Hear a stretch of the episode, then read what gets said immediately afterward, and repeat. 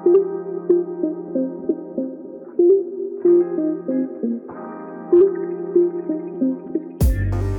daginn og verið hjartanlega velkomin í Fjallakastið.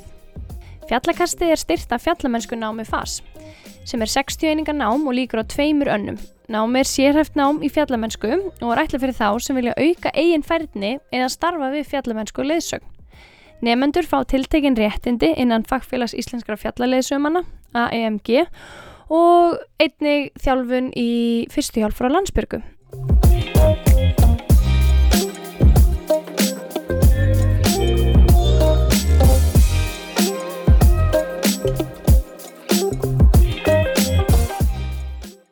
Eftir nokkra pásu á fjallakastinu er vel við hæfi að fá tvo viðmælendur í þennan þátt. En í þessum þætti ræði ég við þá Sigga og Heimir, uh, okkar nýjustu Everest-fara. En þeir voru einmitt 10. og 11. Íslendingurinn til að standa á toppi heims. Ekki nómið það að þeir hafa komist á toppin, þá gekk líka á ymsu í leiðangrunum. En þeir voru vissulega á ferðalagi í miðjum heimsfaraldri Einni voru meðsli að hrjá uh, Sigga á leiðinni og því gekk á ymsu hjá strákunum. Þeir segja okkur frá þessu í mjög spennandi viðtali hér á eftir þannig ég mælu með að því hlusti. En verður að taka það fram að strákanir eru vissulega með hjarta á réttum stað og í þessu ferðalagi sínu voru þeir að sapna peningum fyrir félagið Umhyggja. En Umhyggja er félag fyrir langveik börn og fjölskyldu þeirra og þeir tóku með sér hveðjur frá langveiku börnum á toppin sem var mjög hjartnæmt að fylgjast með þegar þeir voru að lesa hveðjurnar þeirra e, og óskir og drauma þeirra e, á leiðinu á fjalli. En þeir einmitt e, voru að fara yfir söfnuna í gær og það söfnust yfir þrjár miljónir króna til styrtar félaginu. En þið getur gert styrtaræðilar umhyggju og ég hveti ykkur til að skoða hvað þetta flotta félag er að gera á umhyggja.is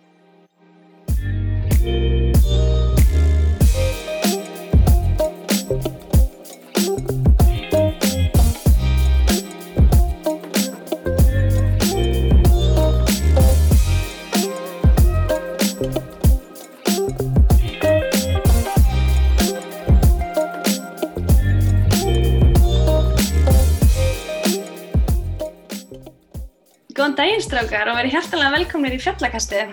Takk fyrir það, gaman að sjá þig. Eh, gaman að fá ykkur og einnilega til hammingju með eh, að hafa náða topp Everest. Já, við erum, við erum í skíunum, þetta hefur tekist og klárast hjá okkur. Já, takk kjærlega fyrir það. Mjög gaman að fá ykkur, ég er búin að vera spennt að heyra ferðasöguna og hérna búin að, já, bara búin að langa að heyra af ferðalægin ykkar.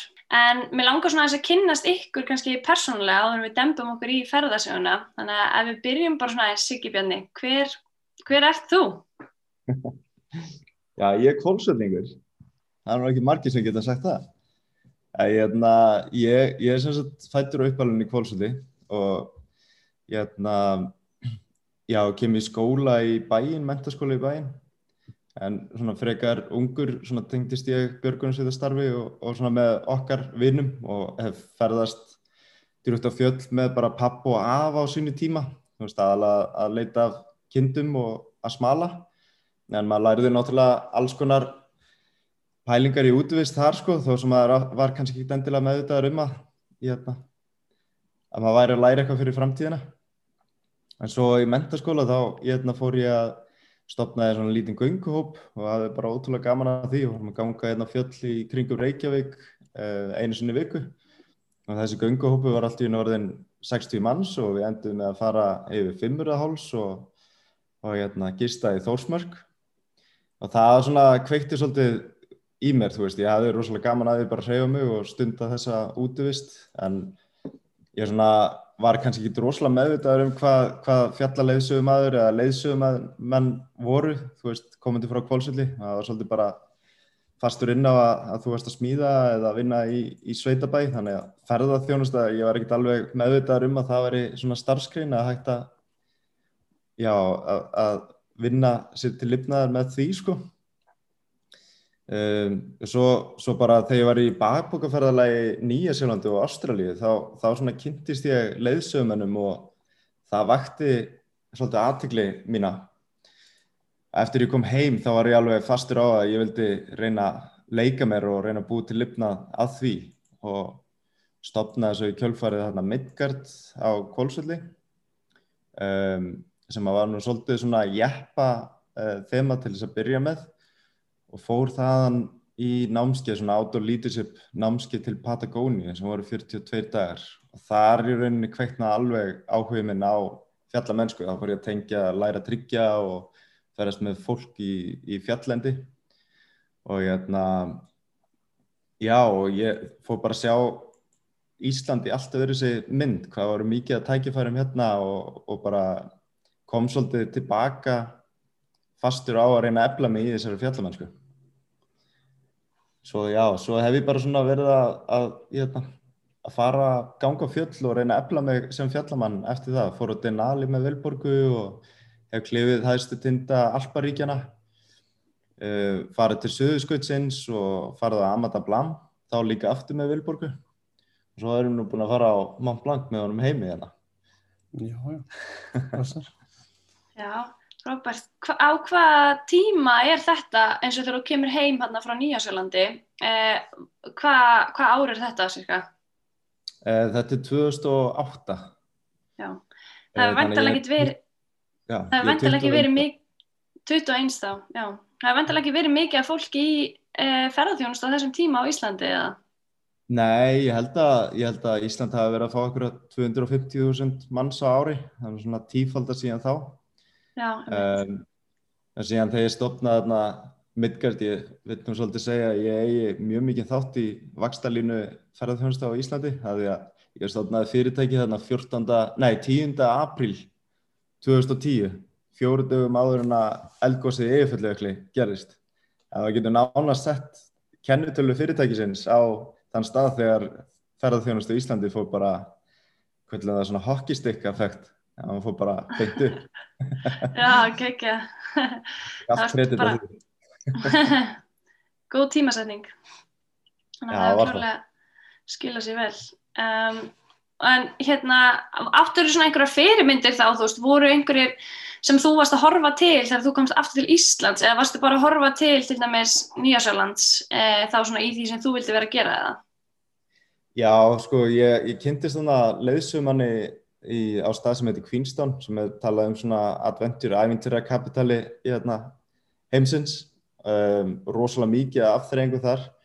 Og þar er rauninni kynntist í að leiðsugumenn getur fengið pening fyrir að leik, leika sér eða ég hugsa að þann, sá það svolítið þannig sko.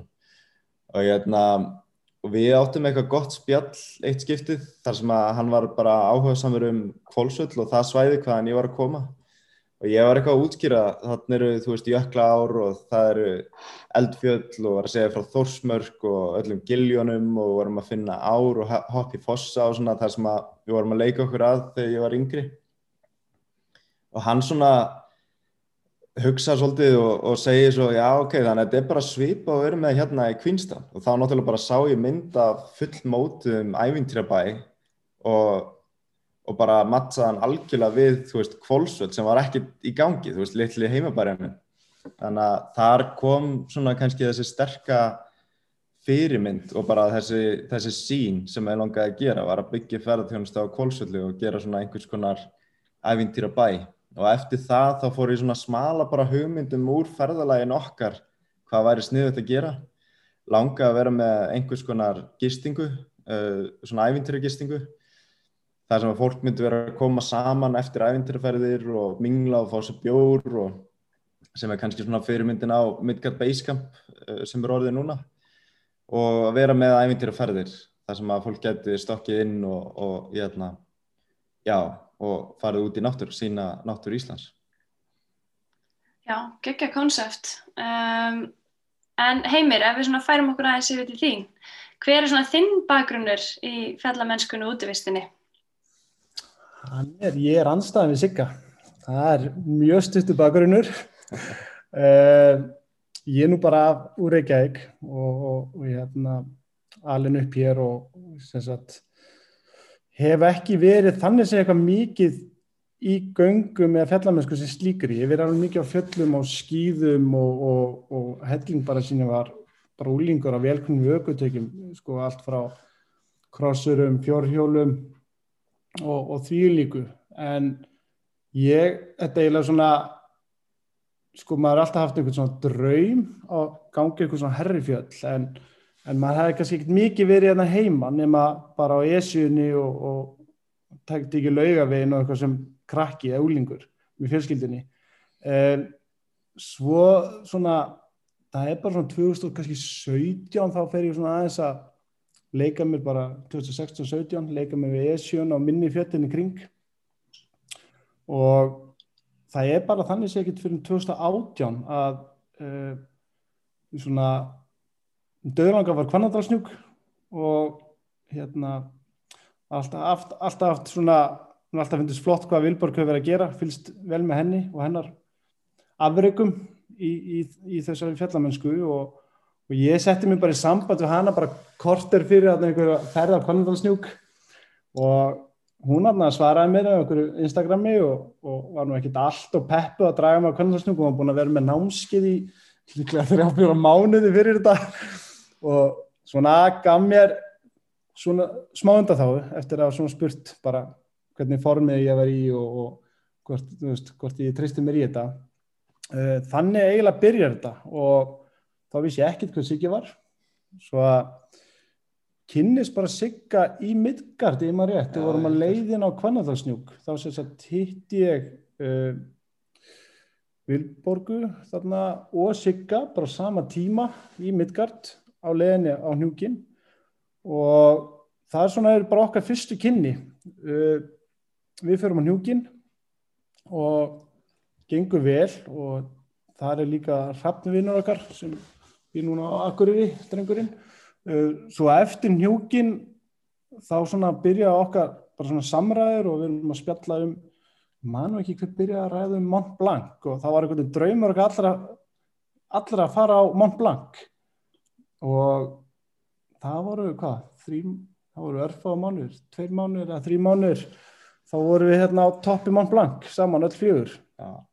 svo að þessi romantíska saga hún er byrjun á minni fjallamennsku minni þryggjára fjallamennsku. Uh, í framhaldinu þá fer ég stuttu setna með Vilborgu og flottum hópi til Nepal. Og við förum upp í Grumbúður Everest og þetta er í oktober 2018 já, bara stuttu, stuttu eftir Mont Blanc. Og hérna klífum þar Island Peak sem er rúmlega 16 meter fjall og það er svona eiginlega, já, þessi tvö fjöll opniðu þessa bakteríu og líka þetta umhverfi bara heimalega, vera þarna í kumbudalum, uh, sjá Everest sem að maður hefur alltaf, þetta er alltaf við draumi bara sem bann og ég hef alltaf skoða mikið og, og lesi um fjallið og, og YouTube-myndbönd og, og allt sem tengis fjallinu, það hefur alltaf verið, en svona, ég var ekkert vissum að maður myndi vaði í þetta verkefni.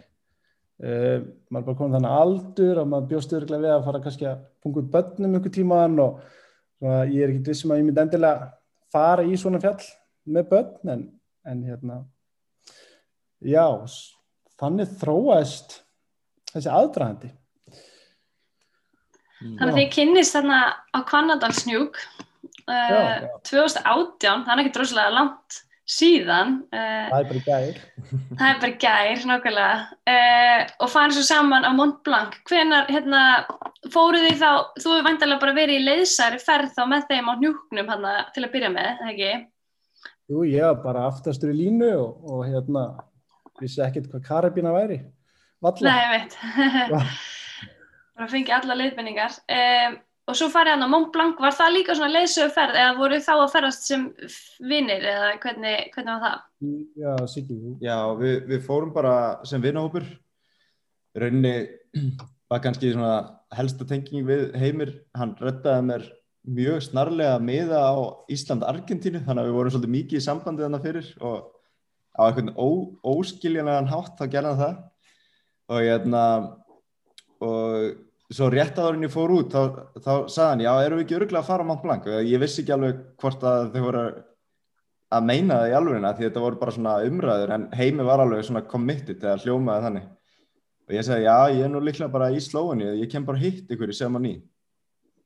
Þannig að, hérna, já, þetta fóð bara við fórum bara sem vinnahópur, ég hefði farið þarna einu svona áður og veitum þarna tíu dögum saman og það var bara æðislegu tími, þú veist, ótrúlega skemmtilegt að vera saman að nýtt saman í og náðu ótrúlega vel saman hópurinn, ákvörðantöku voru mjög einfaldar, við Vilborg höfum náttúrulega unnið tölverð saman og ferða saman fyrir það. Ég sparaði helling að hafa þau sem gæta, því ég borgaði ekki krónu fyrir það. Nei, við bara ákveðum að gera þetta saman, þú veist, þetta var bara svona, hvað maður segja, lazy, lazy fear, uh, já. Um, þetta var geggjuferð. Var geggjuferð, sko. Og bara mæli með öllum að fara í Alpan, eftir þetta, maður eftir að fara aftur hanga. Já, ekki spurning. Já, Sjáman í er alltaf paradís fyrir alla sem stundar fjallamennsku og skýði eh, og klifur. Já, já.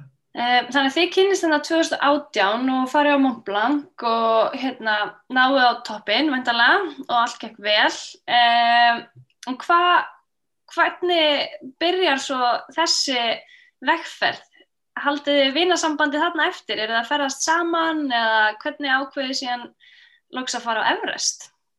Við erum ekkert í miklu sambandi þarna 2019, ég heyrum ekkert mikið í þér þá með svona inn á milli sko maður hverfur alltaf, maður fyrir samband og hverfur og svo fyrir maður úr sambandi og kemur maður tilbaka og neða, svo byrja bara, sko þetta var náðilega þannig að uh, í lok hvað er við, í oktober eitthvað síðast ári, 2020 þá já, þá svona gengur eiginlega kannski, þetta byrja eiginlega þannig, gengur svolítið mikið á. Ég missi móður mína úr erfið veikitum og verið erfið tími og, og, og hérna svo að uh, ég svona mér persónulega langaði svolítið að komast uh, í smá tíma bara aðeins frá vinnu og, og, og, og í annað umhverfi. Og þá þetta byrjaði eiginlega hugsinni var eiginlega fyrst svo að ég hugsa alltaf til Nepal, mér langaði að fara aftur til Nepal og svona aðeins að tengjast meira bara, hvað ég segja, fólkinu og útatrúni og, og svona, ég ætlaði svona eiginlega bara í ykkur huglegsluferð og, og var búin að kynna mér það á netinu og, og hérna, þess vegna bara detti ég eitthvað hérna, klaustur bara í nokkar vikur og alveg farin en, en svo vissi ég það, ég þekki sjálf mig. Ég hefði ennsturuglega svona í fimm daga í einhverju klaustri í, í hugleðslu bara og, og svona mín hugleðslu hefur eiginlega verið að fara á esjuna, fyrir mikið bara á esjuna einn og það hefur gefið mér svona þann tíma sem ég þarf til að kúpla mig út úr uh, vinnu sem, ég, sem er svona oft, oft að tíðum mikið áreiti og, og annað. Svo að uh, þetta þróaðist eða lúti það að ég sérst, er að hugsa um Nepal, svo fyrir að hugsa um Everest ef ég er að fara í rúm á tvo mánu eða eitthvað. Já, kannski skoða það bara og, og svo er hingið Sigga og spyr bara hvort það vil ekki bara taka Everest með mér og hann er þetta svona svo smá higg á hann að vera kannski beint í plönunum hjá sér. Og en hann svona já við hittumst og rættum þetta og, og hann sagðist alltaf að hugsa þetta í viku tíu daga. Og svo einhvern veginn svona held ég að kemi nú bara eitthvað nei veist og en svo kemur þetta tilbaka og hann var til í þetta og þá var ég þetta ekki að fara að beila sko. Þá var ég búin að láta sigga líkjöndu fælt í ykkur tíu daga og þá var að ljósta að ég var bara komin í þennan boppa náttúrulega klífa efraust og hérna við þurftum bara að fara að gera eitthvað til æfa okkur. Og Siggi var auðvitað með hérna búin að plana það allt upp í kollinum og, og hérna hann getur kannski farið nánægur það komið hérna stjörnu lið bak við okkur og ég veit ekki hvað og hvað. Svona, svona startaðist þetta. Já, Það er meina að þetta sé Sigga að kenna Þetta er allt Sigga og Vilborg að kenna frá upphafi. E, Já, þetta er vissu liti. Þetta er þeim að kenna, ég á ekki krónu í dag. Ekki. En hvað þú, varst þú búin að lista upp Everest á listan hjá þér? Þannig að þegar hann hefur samband. Þetta er alltaf undirliggjandi sko, ég held að sé nú alltaf hjá, hjá hérna, fjallafólki en ég hafði, og eins og ég saði við heimið bara strax í fyrsta samtali að það var kannski ekki alveg svona það sem að ég, ég hafði, uh, hafði ekki verið í plörunum hjá mér, ég var með huga á önnu fjöll. Og þannig að ég, ég var ekkit, ég saði ekkit já bara strax og stökk á stað sko. Þannig að ég gaf mér svolítið tíma og reyndi að vera bara mjög auðmyggur og ég hérna og svona gaggrínin á pælinguna. Um, og eða svona, já, eða hlutleis myndi ég kannski segja, þú veist, ég ætlaði bara að reyna að nálgast hann og reyna að finna hjá mér hvernig þetta myndi mattsa og við áttum alveg þrjú, sko, þrjá hittinga, við áttum alveg þrjá fundi, það sem að mér fannst rosalega mikilvægt að ef þetta væri, þetta er náttúrulega mjög stórlega okkur, það kostar mjög mikið af peningum, uh, þetta er hellings, hérna, bara, já, bara fjárfesting í tíma og peningum yfir höfuð fyrir utan það sem þetta tekur á líkamlega. Þannig að mér fannst svolítið ja, mjög mikilvægt að við værum samrýndir að fara á stað með, með sömu markmið og pælingar þannig að við tókum alveg, byrjuðum alveg þar sko, áður en við fórum að ákveða hvað að fara á stað. Að ramma inn verkefnið þetta byrja bara svona nánast eins og Excel-skjál og, og þú veist að hérna samþykja og, og, og, og stilla okkur saman á þessa helstu þessi helstu atriði. Og ég kom bara með á framfærið þar sem að hvað Everest geti gefið mér og hvað og heimir kom með það sama og við reyndum að mattsa því, þú veist, eru við sáttu við bæ, bæði, bæða, bæði atriði. Og ég hérna og eftir vorum bara stilla okkur saman þar þá bara heimir var líka mjög þægilegur að vinna með í þessu. Bara, ég, ég get verið svolítið svona hvað, hvað maður að segja ég, svolítið þrjóskur á, á svona mínu, ég myndi með svona ákveðna skoðanir sko. Mann hefur ekki alveg orðið sem að er yfir það en, en, jötna, hérna, en það er ekkit alveg fyrir hvert sem er sem að getur bara stokkið inn á eitthvað svona e, mjög ákveðnar pælingar sko. En heimi var bara tilbúin í þetta allt saman og ég jötna og ég fann það, þú veist, og er búin að vera þýliku drivkraftur í að halda plani, sko. Ég held að við alveg frá þeim tímbúndi og þángu til núna við mattsað ótrúlega vel saman þó svo að það sé kannski svolítið munur á fjallathekking en það er bara svo mikið lönnu þekking og, og, jæna, og einstakling svona uh, hvað er orðið? Uh, Þetta, þetta er klassísu Siggi, hann týnir öllum orðum. Þú ætti alltaf að botna.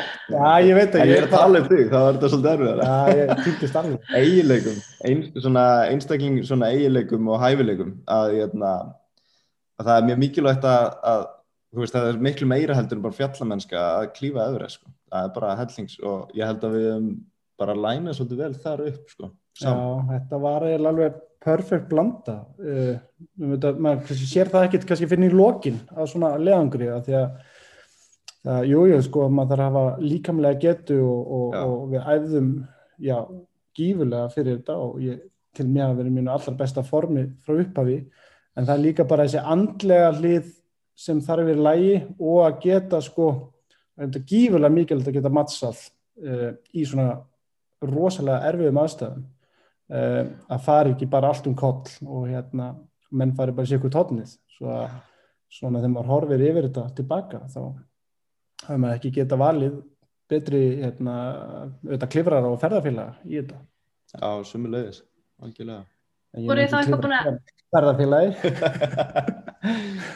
Voru það eitthvað svona búin að lista þetta út svona ef það kæmi upp eitthvað svona ágreiningsmál og svona hvernig þetta leysa það á sliðis að það fór á staða Já, sko, já, við töluðum alveg um það og við töluðum um að það er öruglega, jæna, já, við tókum þetta alveg, alveg heilan fund um þetta, sko, um, að það var mjög líklegt að, að það erði styrleiki og það væri allt í lagi, þú veist, það er hluti af þessu og við þurftum bara að hafa allt upp á borði, við getum verið alveg hreinskilu og hvern annan og við getum, þú veist, rætta að, og líka bara töluðum um að, þú veist, hvernig, jæna, við báður erum að bræðast við þannig aðstæðum um, og líka bara, þú veist, eins og eftir ferðina, við vorum alveg að ræða, þú veist, það er alltaf lægi að við séum bara orðin mettir á okkar samveru, þú veist, það gerist bara mjög reglulega og það er bara fullkomlega eðlilegt eftir kannski 70 daga saman. Og sagðið meiris að, sko, þú veist, þó svo við færum saman, nei, í sikkuru flugi heim, ef við vildum gera sikkuru hlutina og, þú veist, þá væri það bara alltaf lægi, þú veist, bara ákveðum það að við erum bara setjum ekkert eitthvað pressu, eitthvað svona andlega pressu að við verðum að fylgja stað og eða þú veist en ég held að það hefur líka bara létt undir og við þurftum einhvern veginn aldrei að því við erum bara frekar ólíkir um, í svona upplöðu en náum ótrúlega vel saman í, í grunninn og við þurftum bara einhvern veginn aldrei að að hérna, eiga við það og ég held líka bara að því við vorum að æfa svo mikið saman til þess að byrja með að komið þessir, þú veist, eigileikar upp sem að geta verið erfiðið fyrir hinn aðalan Mhm. heiminum er rosalegt keppniskap sem að kepp, keirir mig áfram líka. Bara búin að ákveða og ég sá það bara sem algjörðan eigileika en svo get ég, þú veist ég get verið með rosalegt skap sko. En ég er svona þagna þegar ég verið skap og heimi bara læriði strax inn á það. Og þú veist, það, var þetta ekkert mál, þú veist, við bara rættum, þú veist, kannski þurftu við kannski 5 mínútur eða 10 mínútur, það var, auðvitað aldrei ágreiningur í neinum ákvörðantöku. Það vorum alltaf, já, það gekk ótrúlega vel þar, sko. Magna. Eh, þið hefði þá þetta hérna, undirbúningstímabil, getur við sagt. Eh, er það bara þarna einhvern tíðan í byrjun árs 2020 eða? Í, na, í lok, já, lok árs 2020. Þá- Lók árs 2020? Já, við semst Ok. okay. eiginlega bara tökum þetta ákvörðun þarna í oktober, november Mhm. á síðust ári á og uh, bara frá þeim tíma að Siggi kemur og, og segist vera til í þetta verkefni að þá förum við alveg ólinn, það verður bara, segi, þetta var bara forgangur eitt hjá okkur uh, í æfingum og, og öllu skipulegi. Uh, Siggi kom sagt inn með, eins og ég nefndi á hann, alveg frábært teimi sem að fylgdi okkur og, og má segja fylgjur okkur ennþá að hann sagt hildur sýstir hans í hérna, sjúkarþjálfun í sporthúsinu hún uh, fór strax í að undirbúa okkur og, og gera svona fyrirbyggjandi, skoða okkur grein okkur alla, eða okkur báða. Uh, svo já, svo fengum við hann Átna Frey hérna aðalþjálfara crossfitinu í sporthúsinu og þau unnum mjög vel saman og hérna og það var eins og segi margt sem þurfti að laga á stuttum tíma uh, ökla með mér uh, mjög léli hreyfi geta mögulega uh, sérstakta að maður hafi aðeins svona verkefni kannski en, en, en Hildur og Átni gerðu ótrúlega hluti með öklanum mér. Ég er með stálplutu og, og nokkra pinna í öklanum og er ekki með fullar hreyfi getu þar. En ég bara, ég skil ekki ég var farin að hlaupa bara halvmarathon mánuði setna, ég hef ekki hlaupið í 16 ár og svo kemur já Arnar Páll vinnu að sigga inn líka uh, varðandi, hvað ég segja Það svona heilbriðismál í ferðinni Já, já. og ráðgjöf þar. svo við fengum alveg ótrúlega öflugt lið og maður eiginlega segja að þau þurftu nú bara að fara að selja sig út að- að að að, hérna, vera með háfjalla fólk sko í, í meðferð og þjálfun fyrir svona ferð af því að þau árangur sem náðu á hvað fjóru mánuðu cirka er magnaður sko. Svo að já, ég held að svona, við komum kannski inn á það aðeins setna en þú veist, í, eftir á að hyggja, við hefðum ekkert mátt vera, það hefði ekkert mátt vera minna til þess að ná að klára verkefnið. Og líka bara svo faglegt hjá þeim, þú veist, það hjálpa okkur kannski að vissuleiti að vera í COVID-19 því að þarna var aðeins tími fyrir átna, við gáttum verið að æfa í bílskur og haldið okkur út af fyrir okkur og hann var aðeins laus, Hildur átni að vinna vel saman, Hildur hreyfigreinir okkur, gefur út prógram til átna sem að þarf að laga og það bara byggir upp grunn sem að í rauninni leisti restin af verkefnunum.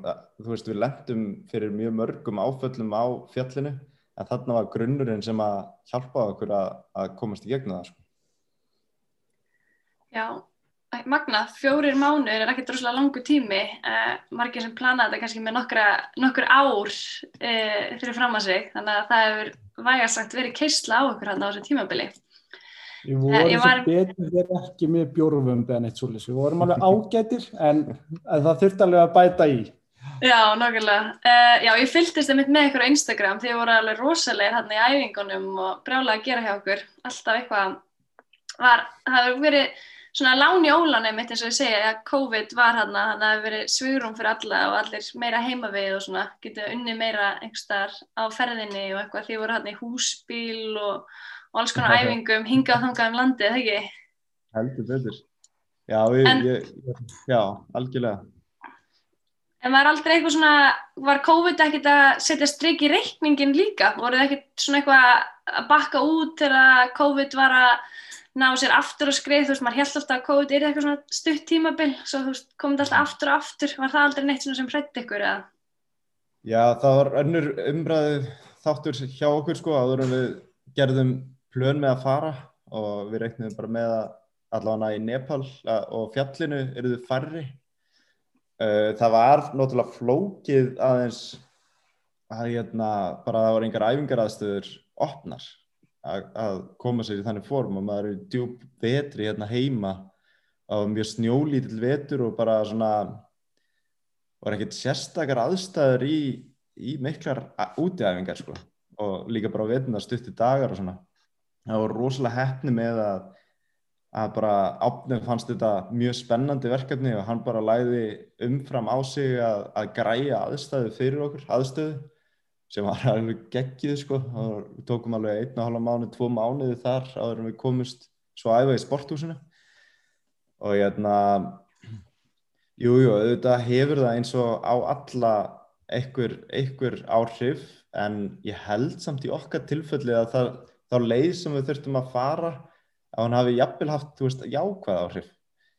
Uh, að því að við vorum bara þurftum að halda okkur svolítið útaf fyrir okkur vorum að velja svæði sem að, sem að við vorum bara út í náttúru og svolítið mikið bara út af okkur og bílskurinn, æfingarna þar voru náttúrulega bara geggjaðar sko og voru bara tveir, þú veist, tveir einir þar með, með átna þjálfara um, sem að ég held að hafa verið rosalega góð byrjun á þessu.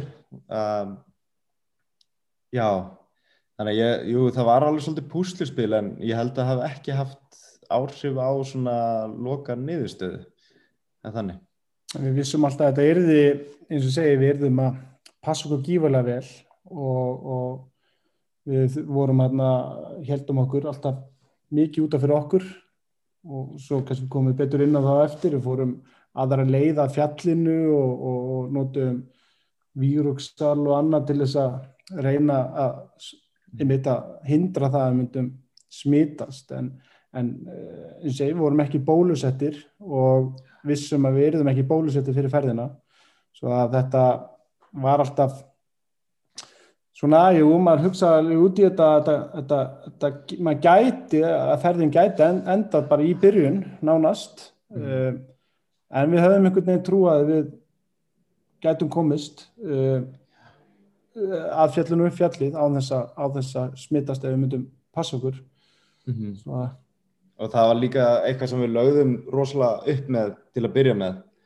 að jæna, hérna, við vildum vera svona prívat hópur og það var, það var eitthvað kannski sem að ég kom með inn á borð að, sem við vorum svona kannski sáum aðeins eftir þarna á tímabil á fjallinu en, en var að við myndum bara fara uh, sem prívat leiðangur finna í rauninu bara beina tengingu út til Nepal og fara þannig að við getum stýrt okkur mjög mikið sjálfur og getum haldið okkur útaf fyrir okkur. Þannig að við vorum í rauninni bara fimmana hópur sem að stýrðu okkar plönum eins og við vildum. Og hérna þar að leiðandi þurftum við að bera náttúrulega allt dót upp á fjall, veist, við vorum með þarna 70 lítra og kannski rúma 20 kíló að bakpoka og meðan aðrir á fjallinu voru kannski með 30 lítra og, og þú veist, bara rétt með skilna sína og, og allt annað að borið, sko. Um, já, sem var gerði náttúrulega kannski aðeins erfiðara líkamlega að klifra fjallið en, en að móti kemur voru miklu sveigilegri heldur en þessi stóri leiðungurshópar. Ég viðkynna að ég blótaði þessu nokkuru sinnum að eh, við varum með 20 pluss kíla á bakinu. Sérstaklega við vorum að fara yfir einhverja 500-300 metra fjallaríki að Siggi fekk öruglega að finna aðeins fyrir því að ég hérna kvartaði nokkur sinnum yfir því. að Ég einhvern veginn, mér fannst þú veist með Everest, þú veist að þjónust að fjalla og þú getur klifrað að fund, þú veist klára leiðangurinn og fundið eins og þú hafðir hérna, já, að klifri síðan svolítið þitt og það var einhvern veginn svolítið hjá mér var alveg, já, var meðvitaður um að, að við þyrftum að nýta okkur þjónustu á fjallinu, þú veist, það er bara þannig sem að kerfið geng, gengur út á Nepal skildi það, en við langaði að finna fyrir að, hérna, að klifri var svolítið okkar Já, þú fegst það líka. Já, já. Það komið bara ekki á mig setna.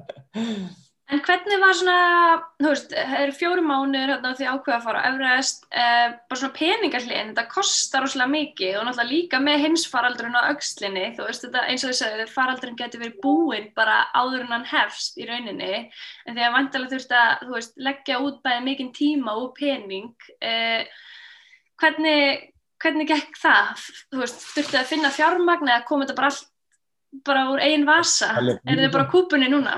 Já, Siggi, Siggi, Siggi seldi allt og lánaði mér.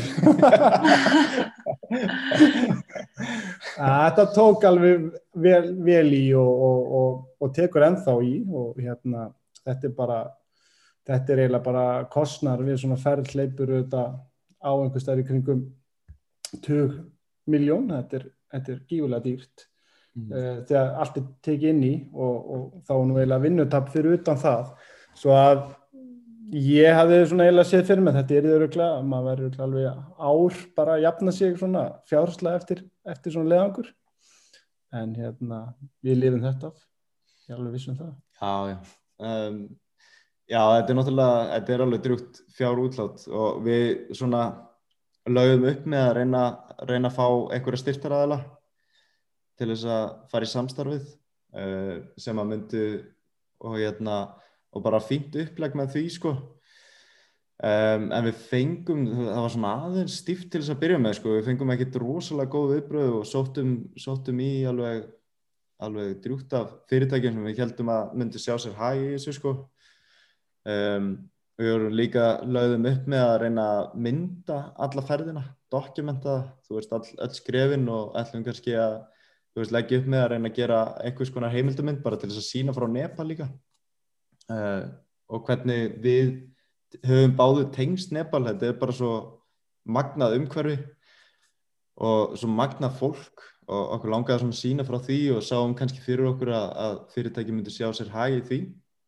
En svo svona þegar leiða á bæði æfingar og annað að þá kynntustu við náttúrulega bara æðislegum einstaklingum og bæði hérna, einstaklingum sem við gáttum verið að æfa með og sem að stutta okkur við æfingar og, hérna, og líka fyrirtækjum sem að hérna, vildu styðja við leiðangurinn. Við vorum náttúrulega með verkefni við lögum líka upp með að, að hérna, í, alveg í byrjunni á fyrstu fundunum að, að þetta var svo stórt, bæðið fjárháslegt útlát og mikil tími sem að færi að við báður sam, hérna, samþýttu það að þetta væri, væri svolítið kjánalegt að gera þetta bara fyrir okkur eina og við vildum hafa þetta meiri meiningu eða tilgang í þessu og, og þar kemur inn, umhyggja inn sem við vildum vera að sapna fyrir.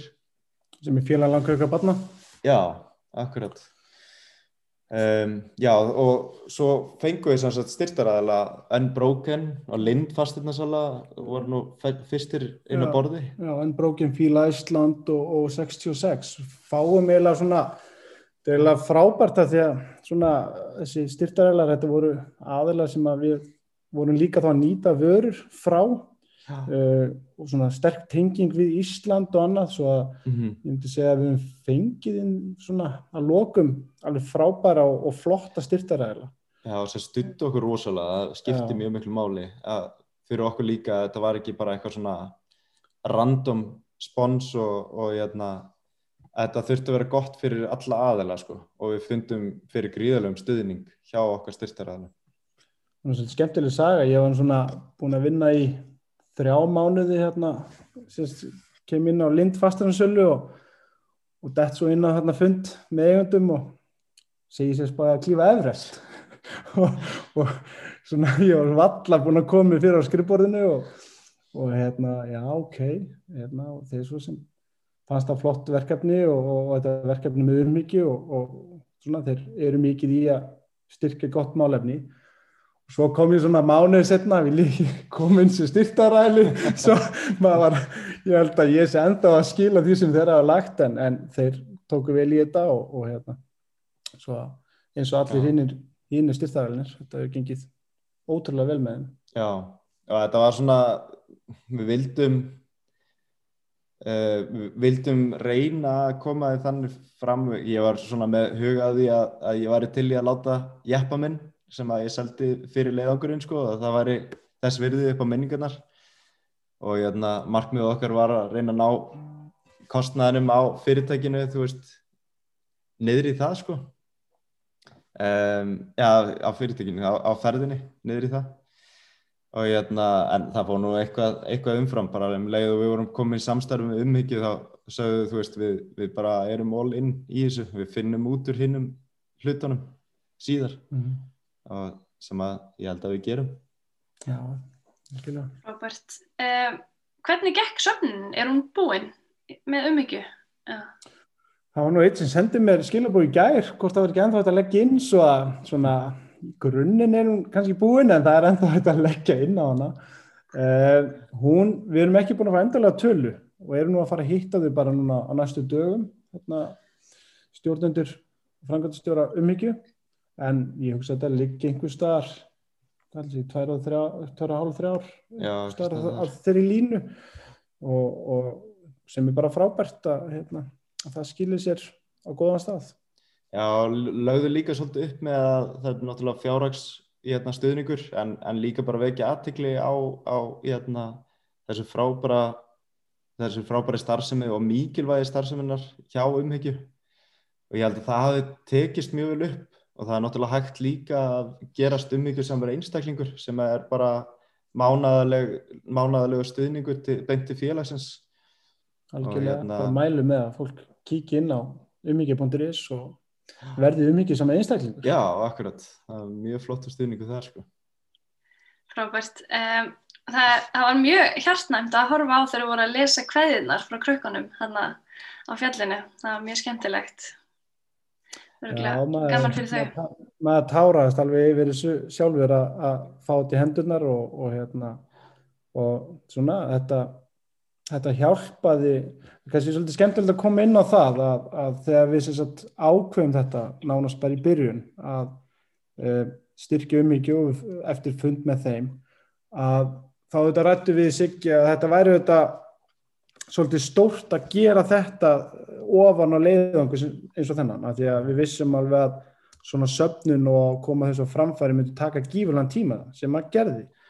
Eða en það sem að svona kemur svo í ljós í ferðinni sko að því að það auðvitað koma dagar, við erum í grumbúðum og við erum að býða eftir veðuglugga og við erum að koma úr hæðaralun og erum að jafna okkur og annað, það koma þarna alveg fleiri, fleiri dagar þar sem að maður er bara í svona smá byð, bara er að reyna að næra sig og, og halda sig bara í, í, í formi að uh, svo vinna sem fór í þetta Siggi var mjög mikið að editera vídeo og myndir með alla græði til þess og ég var eitthvað að babla og bylla þarna á stóri fyrir umíkju og, og eitna, hérna, bara þessi vinna held okkur rosalega að fókuserum og, mm. og, og, og held okkur kannski svona andlegu hliðinni uh, fyrir mittlit allavega á, á betri stað en bara sitin í sko einhver matartjaldi og býða svo að þegar líður að ferðina þá er, þetta, er, er þessi söpnun og þetta samstaf styrkur fyrir okkur Já. sem að gerir þetta ennþá skemmtilegra að lókum. Já, þetta svona snýri svolítið, svolítið við sko, þetta mm. var mhm. allt í hennu farið að vera drivkrafturinn svolítið fyrir okkur að, að halda áfram og náttúrulega allt sem að kom upp á fjallinu uh, veist, það var, var mjög auðvelt að tengja að þú veist, maður gæti ekkert verið að vorkina sér neitt og það er bara rosalega gott að og líka bara alltaf hvaðjuna sko, eins og ég segið, þú veist, við táruðum þarna saman og rosalega falleg, falleg stund fyrir okkur að að heyra í fjölskyldum og, og frá langveikum börnum og vorum að fá hvaðjur upp til, upp í grunnbúður og upp á fjallið og hérna Kynnust Theodóri vinnakar og, og fóreldra hans senda okkur myndir og myndbönd og við erum að fara að hitta hann núna næstu dögum. Og býða eftir að Siggi jafna sér nýjunu sem komist út, út úr heimilinu sinni hérna. en við fengum þetta ótrúlega stuðningur og við svörum uh, ég er ekki íkjað, við svörum mörg hundru skilabóðum uh, bæði gegnum okkar eigin Instagram en sérstaklega gegnum umhyggju.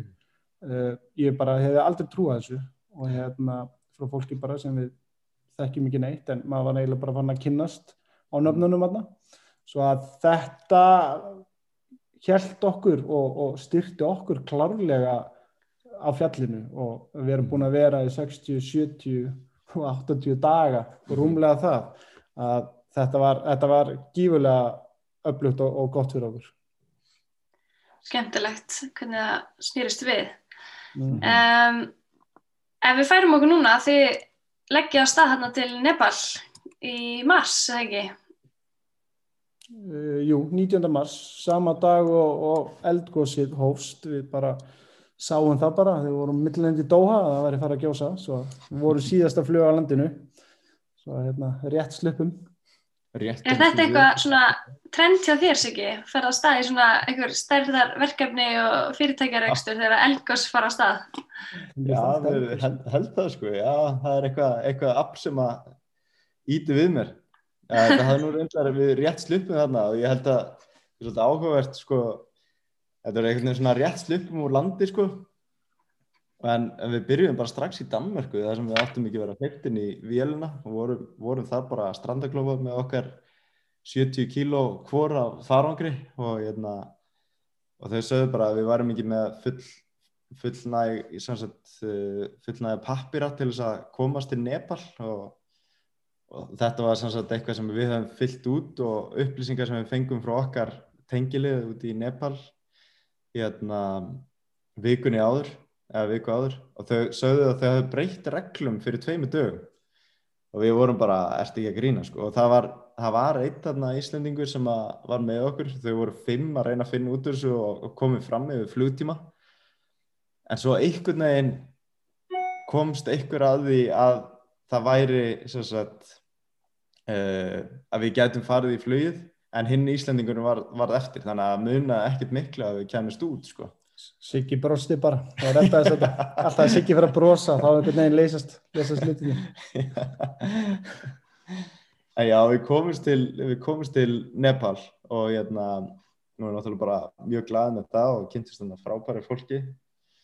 Svo byrjuðum við bara skóareldar þarna á Já, við töf, byrjum einmitt að tefjast í Katmandú, við ætlum að fara nokkrum dögum fyrr og vorum búin að vera gífulega stóri skóareldar þarna í nákvæmni Katmandú og það var ekkert skikni og það var eiginlega bara algjörlega vonlust að vera úti, við vorum eiginlega bara fastir inn á hótelum út af mengun. Uh, svo er það 29. mars þá opnaðist þetta smá gluggi, við fórum með þessu upp á flugvöld vissum ekkert hvort þetta er flóið en svo bara opnaðist hann gluggi og náum flugi sem var líklega mitt vestaflug sem við upplýðað þegar það voru bara sást ekkert og maður vissi að maður var að fljúa í kringum 7-8 metra fjöll og, og svo voru alltaf einhver viðverðnuljós á, á fulli og við vorum fremst í flugvilni svo að ég viðkenni, þarna byrja ég að svitna. Það var ekki að fjallinu, það var í flugvilni og vitandi þess að við varum að fara að lenda á einum svona ég myndi segja mest sker í flugvilli sem ég var allan að lenda á. Í miði fjalli í Lukla í 2800 metra hæð. Svo að þetta svona byrjar svona pínu bröðsulega en eftir það þá gengur þetta nokkuð vel. Mm -hmm. ekki segja það? Jó, algjörlega. svona framan framan framan framan og náttúrulega voru svolítið mengun sem við fundum aðeins fyrir svona neðar í dalnum í kumbudalnum uh, við fundum reyndar ekkert mikið í lungunum fyrir því en, en svona það var ekkert rosalega mikið skikni til fjalla og við vorum svona meðvitaðar um að væri. En við ákveðum sem sagt líka að fara þess að Gokyo leið uh, sem er ekki þess að hefðbunda leið upp í Basecamp, hún er aðeins lengri. Hún er einhverju 100 held ég 100 km í staðin fyrir 60 og hún fer yfir tvo svona fjallarryggi sem að fara yfir 500 metra. Og ákveðun okkar þar að taka þá leið var að hún var minna farin þannig að við varum minni hættu við, við smitt við COVID eða aðrar veirur. Og myndi koma betur hæðaraðlæðir til á Basecamp uh, til þess að geta tækla þá líka aðrar mögulega veirusíkingar eða annað þar sko um, Já, þannig að svo leið tók okkur 14 daga og ég verði að segja að þetta er eitt af highlightum ferðarinnar og var alveg Mhm. æðislegu tími þannig. gífurlega falleg leið og, og, og hérna, skemmtilegt að fara þessa leið við höfum báði farið hína leiðina svo að að klálega hægt að mæla með að fara þessa göngulið. Og við gáttum líka stýrt okkur svolítið sjálfu, við vorum bara, að því við vorum ekki í leiðangri, förstum leiðangri, þannig að við gáttum stýrt okkar, okkar ferðum og þegar við þurftum tíma til þess að hæðaraðalega betur þá gerðum við það og svo ef við sáum eitthvað fjöld sem okkur langa að fara á í kring þá, þannig að við tókum bara okkar svolítið bara góðan tíma í þetta sko, kynntist aðeinslegu fólki, lokaliði og vorum náttúrulega bara einir á gönguleiðina í alla ferðina. Þannig að við sátum bara með með hérna, fjölskyldum við, við Arnin og hlustuðum á bænir hjá þeim, Mm. hérna, svona bútisma bænir og Mhm. fengum blessanir áður við fórum að stað og þú veist þetta var rosalega persónulegt og, og flott Fallet útsýni að Choyu hérna frá, frá Góki og Góki og Leik og þetta er, þetta er mjög skemmtileg, skemmtileg leið og, og hjálpaði okkur en segi gí- gífurlega upp að hæðaralun. Við mættum upp í grunnbúður, upp í 5400 metra hæð. Uh, ég myndi telja betur hæðaralun en bara flestir. Uh, við fundum þarna aldrei fyrir hósta eða og vorum mjög sterkir bara þegar við komum upp í grunnbúður þegar aðrir eru bara geltandi þarna hóstandi alveg hægri vinstri þá eru, já, eru við frekar góðum málum. Og þetta rættu við alveg að við værum allan að værum búin að hæðar alveg mjög vel upp í þessa hæð. mm algjörlega Þannig að þið gangið þarna upp og er, fer hæðin vel í ykkur bara svona almennt eða? Uh, hjá mér allan að hefur að gert það. Uh, 2018 það gekk vel, vísu, vísu tók ég þá hæðaraðluna lif í þeirri ferð, svo það klálega hefur hjálpað þar, uh, en við tókum hvori nokkur hæðaraðluna lif svona í þessari ferð, ekki fyrir en bara efst uppi að það var bara það sem við komum inn á eftir, en Já, þegar við sluppum algjörlega við það, vorum alltaf tilbúin að í það ef, ef til þyrti, en, en það sem við fórum bara skinsamlega í þetta, uh, gáum okkur þann tíma og vorum, ég segi, lengur en mjög margir mm. í þessu ferli, að þá þurftum við ekki að grípa til þess að neina að lifja á, þess, á þessum tímapunkti. Já, ég bara gekk rosalega vel að þetta komi alveg hausverkur og svoleiðins en en- engin alveg enginni eða vanlíði um, að, að teljandi ráði sko. Þannig að já, hæðaraðlögin yfir í heldsinni, ég hefði ekki viljað breyta þessu eins og við gerðum þetta sko. En hvernig var svona stemmingin á fjallinu? Hún hefur örgulega verið aðeins öðruvísi bara svona eh, vegna COVID og allt það sem var að ganga á í rauninni. Hvernig var svona lífið í grunnbúðum á þessum tíma?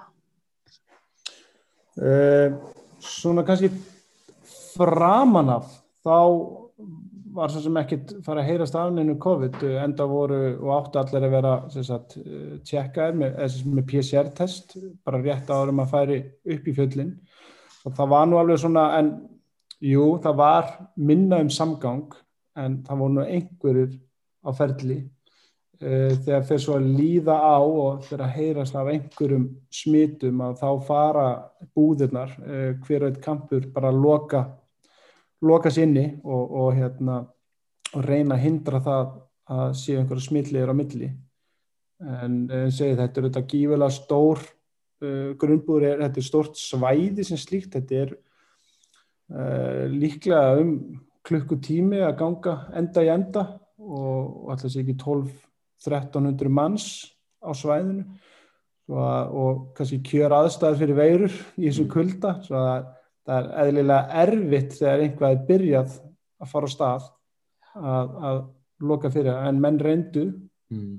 hel- já, myndi ég telja allt sem þeir gáttu Já, að við sáum það mjög fljótt sko að, að þetta var kannski, já, að verið að reyna að loka búðunum en, en svo, svo voru alveg smitleiðir sem að maður sá berast, veist, það eru portir að koma inn í búðir og þeir fara svo niður aftur og fara í næstu búðir og, og hérna, þannig að við sáum það mjög fljótt og við töldum bara, veist, að við þyrftum bara að gera okkar plön og vorum bara hefnir að við vorum bara einir í okkar búðum mjög lengi, sko. Það er hérna, Já, ákveðum svolítið bara að, að ha, hafa hægt um okkur og, og vera, að við vissum að ef við myndum veikjast þarna þá var þetta bara mjög líklega búið fyrir okkur sko. Um, já, þannig að það gerði kannski þetta basecamp líf sem að er oft gengið út á að fara á milli búða að fá tesópa og kynna stöðurum klifurum og ég var mjög spenntu fyrir sko og við, ég er fyrir ferðinar að mjög mikið áhugaður með einstaklingarna með mismunandi sögur, allir með sameigilegt markmið. Já, maður þurfti svolítið bara að slíta sig frá því, sko. Já, er algjörlega. Það var, já, það var bara eins og maður kynntist mjög fáum þarna á þeim stað sem að er mikið líf og, og, og gaman að kynast fólki eins og Siggi nefnir. Svo. Já, þannig að það verður smá innmannalegt svona stundum, örgulega í búðunum. Ja, þetta er aldrei einmannlegt með Sigga en örglega fyrir Nei. marga. Þarna var klárlega kostur að vera allan að tveir en ekki bara eitthvað einn. Margir Já. hverjum svo sem uh, margir í búðunum voru eiginlega bara nánast lokar af að tímabili bara í einsmanns tjöldum. Svo að ég held að við höfum svona örglega haft það betra en margir en, Mhm. en jú, klálega einmannlegt á köflum. En þið voruð í svona frekar litlum leiðangri, er það ekki rétt um mér? Þið voru bara með þrjá aðstofamenn eða, eða sérpa með ykkur og þið tveir, eða? Já, sko, við lögðum upp með að fara bara sagt fjórir. Uh, við vorum með tvo aðstofumenn í hérna, klifur sérpa, sitt hvor, sem að væri svona að styðja við öryggis, öryggismál og, og annað á, á fjallinu. En síðan sá sem að var að skipulega geta fyrir okkur, okkar tengilegur, hann Ang, uh, hefur verið hérna á Íslandi og, og hérna, var svona búin að komast aðeins í kynni við hann. Hann ætlaði að vera í sínum eigin leiðangri sem að þeir fengu svo ekki ekki leifi fyrir og hann vissi að við varum að klifra fyrir hérna, umhyggju og í samstarfið þar og hann fannst þetta bara að vera svo flott verkefni að, að hann vildi bara taka þátt. Þannig að hann svona kemur inn í rauninni sem bara klifur félagi og sem var náttúrulega bara frábært með góða reynslu. Hann er, hann er hérna hann er með hæðstu fjallabjörgun sem hefur, hefur verið framkvöldu á Everest sem að gerði bara einhverja ótrúlega hluti að koma uh, mönnum og bjargaði lífi manna þarna undir Hillary Step sem á bara ekki vera hægt sko um, já við vorum bara við vorum mjög hefnir að vera með hann og hann líka svona hann er svolítið svona gaur sko hann passaði alveg vel inn í inn í hérna uh, hópin okkar Þessi vissum gaurar. Já, það er svona, svona gaurar en við þurftum meira þess að aðeins að hérna, draga hann niður á jörðina inn á milli sko. svona, já, já, nú, núna þurfum við að hérna, núna þurfum við að fókusera á það sem við erum að fara að gera en hann var nú bara fljótur alltaf að tengja við okkur og, og hérna, gekk mjög vel það samstarf sko. Og hvað tekur síðan við? Þið eru hérna í grunnbúðum og þið vantarlega farið að feikra ykkur eitthvað upp fjallið hérna á þessum tíma og þið eru að bera dótið ykkar sjálfur þannig að þið hefur verið að ferja dótið á milli eða hvernig, hvernig fór þetta fram? Sko, við kaupum okkur sem sagt, eða Ang kaupir sig inn í, inn í stærri leiðangur eða þjónustu á grunnbúðum. Það er aðeins flókið kerfið þarna. Ég þurfti eiginlega bara að vera það til að skilja hver, hvað var hlutverkið á hverju. En hérna, og þar er, þú þarfst að kaupa þess að þjónustu á fjallinu eða þess að fixt línur uh, og hérna, og búðirnar, þeir voru náttúrulega, það er fyrirtæki sem eru bara með tjöld upp í fjallinu sem er svona stasað. Og við keiftum okkur inn, inn í það. Þannig að súrefni og, og kampar voru bor, borðið upp fyrir okkur. Uh, matur upp í grunnbúðum 2 sem er svona bara þjónust af stærra fyrirtæki, þessu stærra fyrirtæki. Og þar eru við að samina kostnað með, hvað voru margir? 20 manns? Já, cirka, já. Já, 20, 20 manns þannig að það náttúrulega reyndu við að reyna að halda kostnæðan með eins neðalega og við gátum og þetta er svona leið til að spara. Um, Við bárum mat upp í búðir 1 og 3 og 4 Já, já, við vorum með það svona, og, og með þeim. Við skiptum þessu bróðulega millakar með okkar serpum og vorum oft með bara, já, nánast sömu þyngd á köplum allavega og þeir voru með. Svo að það gekk, gekk allt vel en já, við byrjum sem sagt við erum að æfa sagt, höldum áfram með hæðaralögun eftir við komum í grunnbúðunar uh, við svona upphæðilegt plan var að fara á Lóbútsi íst uh, en við breytum eins og við gáttum alltaf breytt okkar ákvörðunum og ákvörðum að fara upp í Púmóri Hækamp uh, það var bara stittra í Púmóri Hækamp og við vorum þetta búin að vera í langri hæðaraflögun bara upp í grunnbúður svo við ákveðum bara að sleppa Lóbútsi og tökum hæðaraflögun upp í cirka 5.700 metra hæð á Púmóri sem að gekk bara vel mm -hmm. uh, svo tekum við bara þessi, svona, þessi aðal hæðaralögun uh, og já, Siggi, þú kannski tekur þann part. Já, já við fórum, fórum líka æfingarferð upp í Kumbu æsfól, ég held að það, þar náðuð ekkur um 5700 metrum aftur, Mhm. gistum einan nótt í 5700 metrum. Og þá, þá kom reyndar og ætluðum svo að fara bara upp í fjall og fara að græða okkur í fyrsta rotation. En þá kom bara veður, það var mjög mikið um slæmt veður á fjallinu. Og það töluðu allir um að þetta hafi verið bara svona eitthvað afbreyðilegt tímabil en þar kom veður og bara mjög mikill snjór uh, sem að við töldum ekki óætt að vera þælast upp í hæðaraðalögun bara upp á snjófláðahættu og, og erfitt að sjá leiðina sko. Um, og bara já, liðlegt skikni þannig að við, við færðum okkur aðeins neðar í nokkru daga, þurftum að býða okkur fjóru og fimm daga áður en að við fengum glukka að fara upp í fjallið. Og þá í rauninni eftir þá, þann tíma þá, þá fórum við í fyrsta rotation um, hæðaraðalögun þar sem við settum blöðna að reyna að snerta búðið þrjú og komast niður aftur Sem eru 7200 metra hæð. já, Það var svona planið. um, Sú ferð gekk bara mjög vel en við vorum náttúrulega að ferja allt okkar dót um, upp í búðið tvö þannig að við fórum, ég held að þetta hafi verið svona einn af þingstu dögunum þar. Byrjuðum að fara í gegnum Ísfallið, Kumbu Ísfallið allt saman og það var enduðum þar, þú veist, aðeins í röð, það var mjög mikið fólki á fjallinu. Margir búin að býða þennan veðuglögg að sér þannig að það var svolítið röð og við töfðum svolítið á leiðinni, enduðum bara í algjör steik. Það var svo heitt uh, þegar við komum upp úr Kumbu æsfólinu og hérna upp í kamp 2, nei kamp 1 uh, sem var bara mjög erfiðu dagur það var, var gríðilega erfiðu dagur Það verður rosalega heitt, getur orðið gífurlega heitt uh, bara af endurkasti og uh, sól á milli kamp 1 og kamp 2. Þú kemur upp úr Kumbu Æsfól, uh, þá þarf það að þvera þarna sprungur og, og þetta er kannski almennt hvað þryggja fjara tíma ganga. En uh, hitinu þetta og verið með þyngd á bakkinu þetta var, ég myndi segja, þetta var eitthvað svona topp þrýra svona erfiðri dögum sem við áttum uh, þetta var, já, tók, tók vel á. Ég var já, nett bugaðar þarna sko.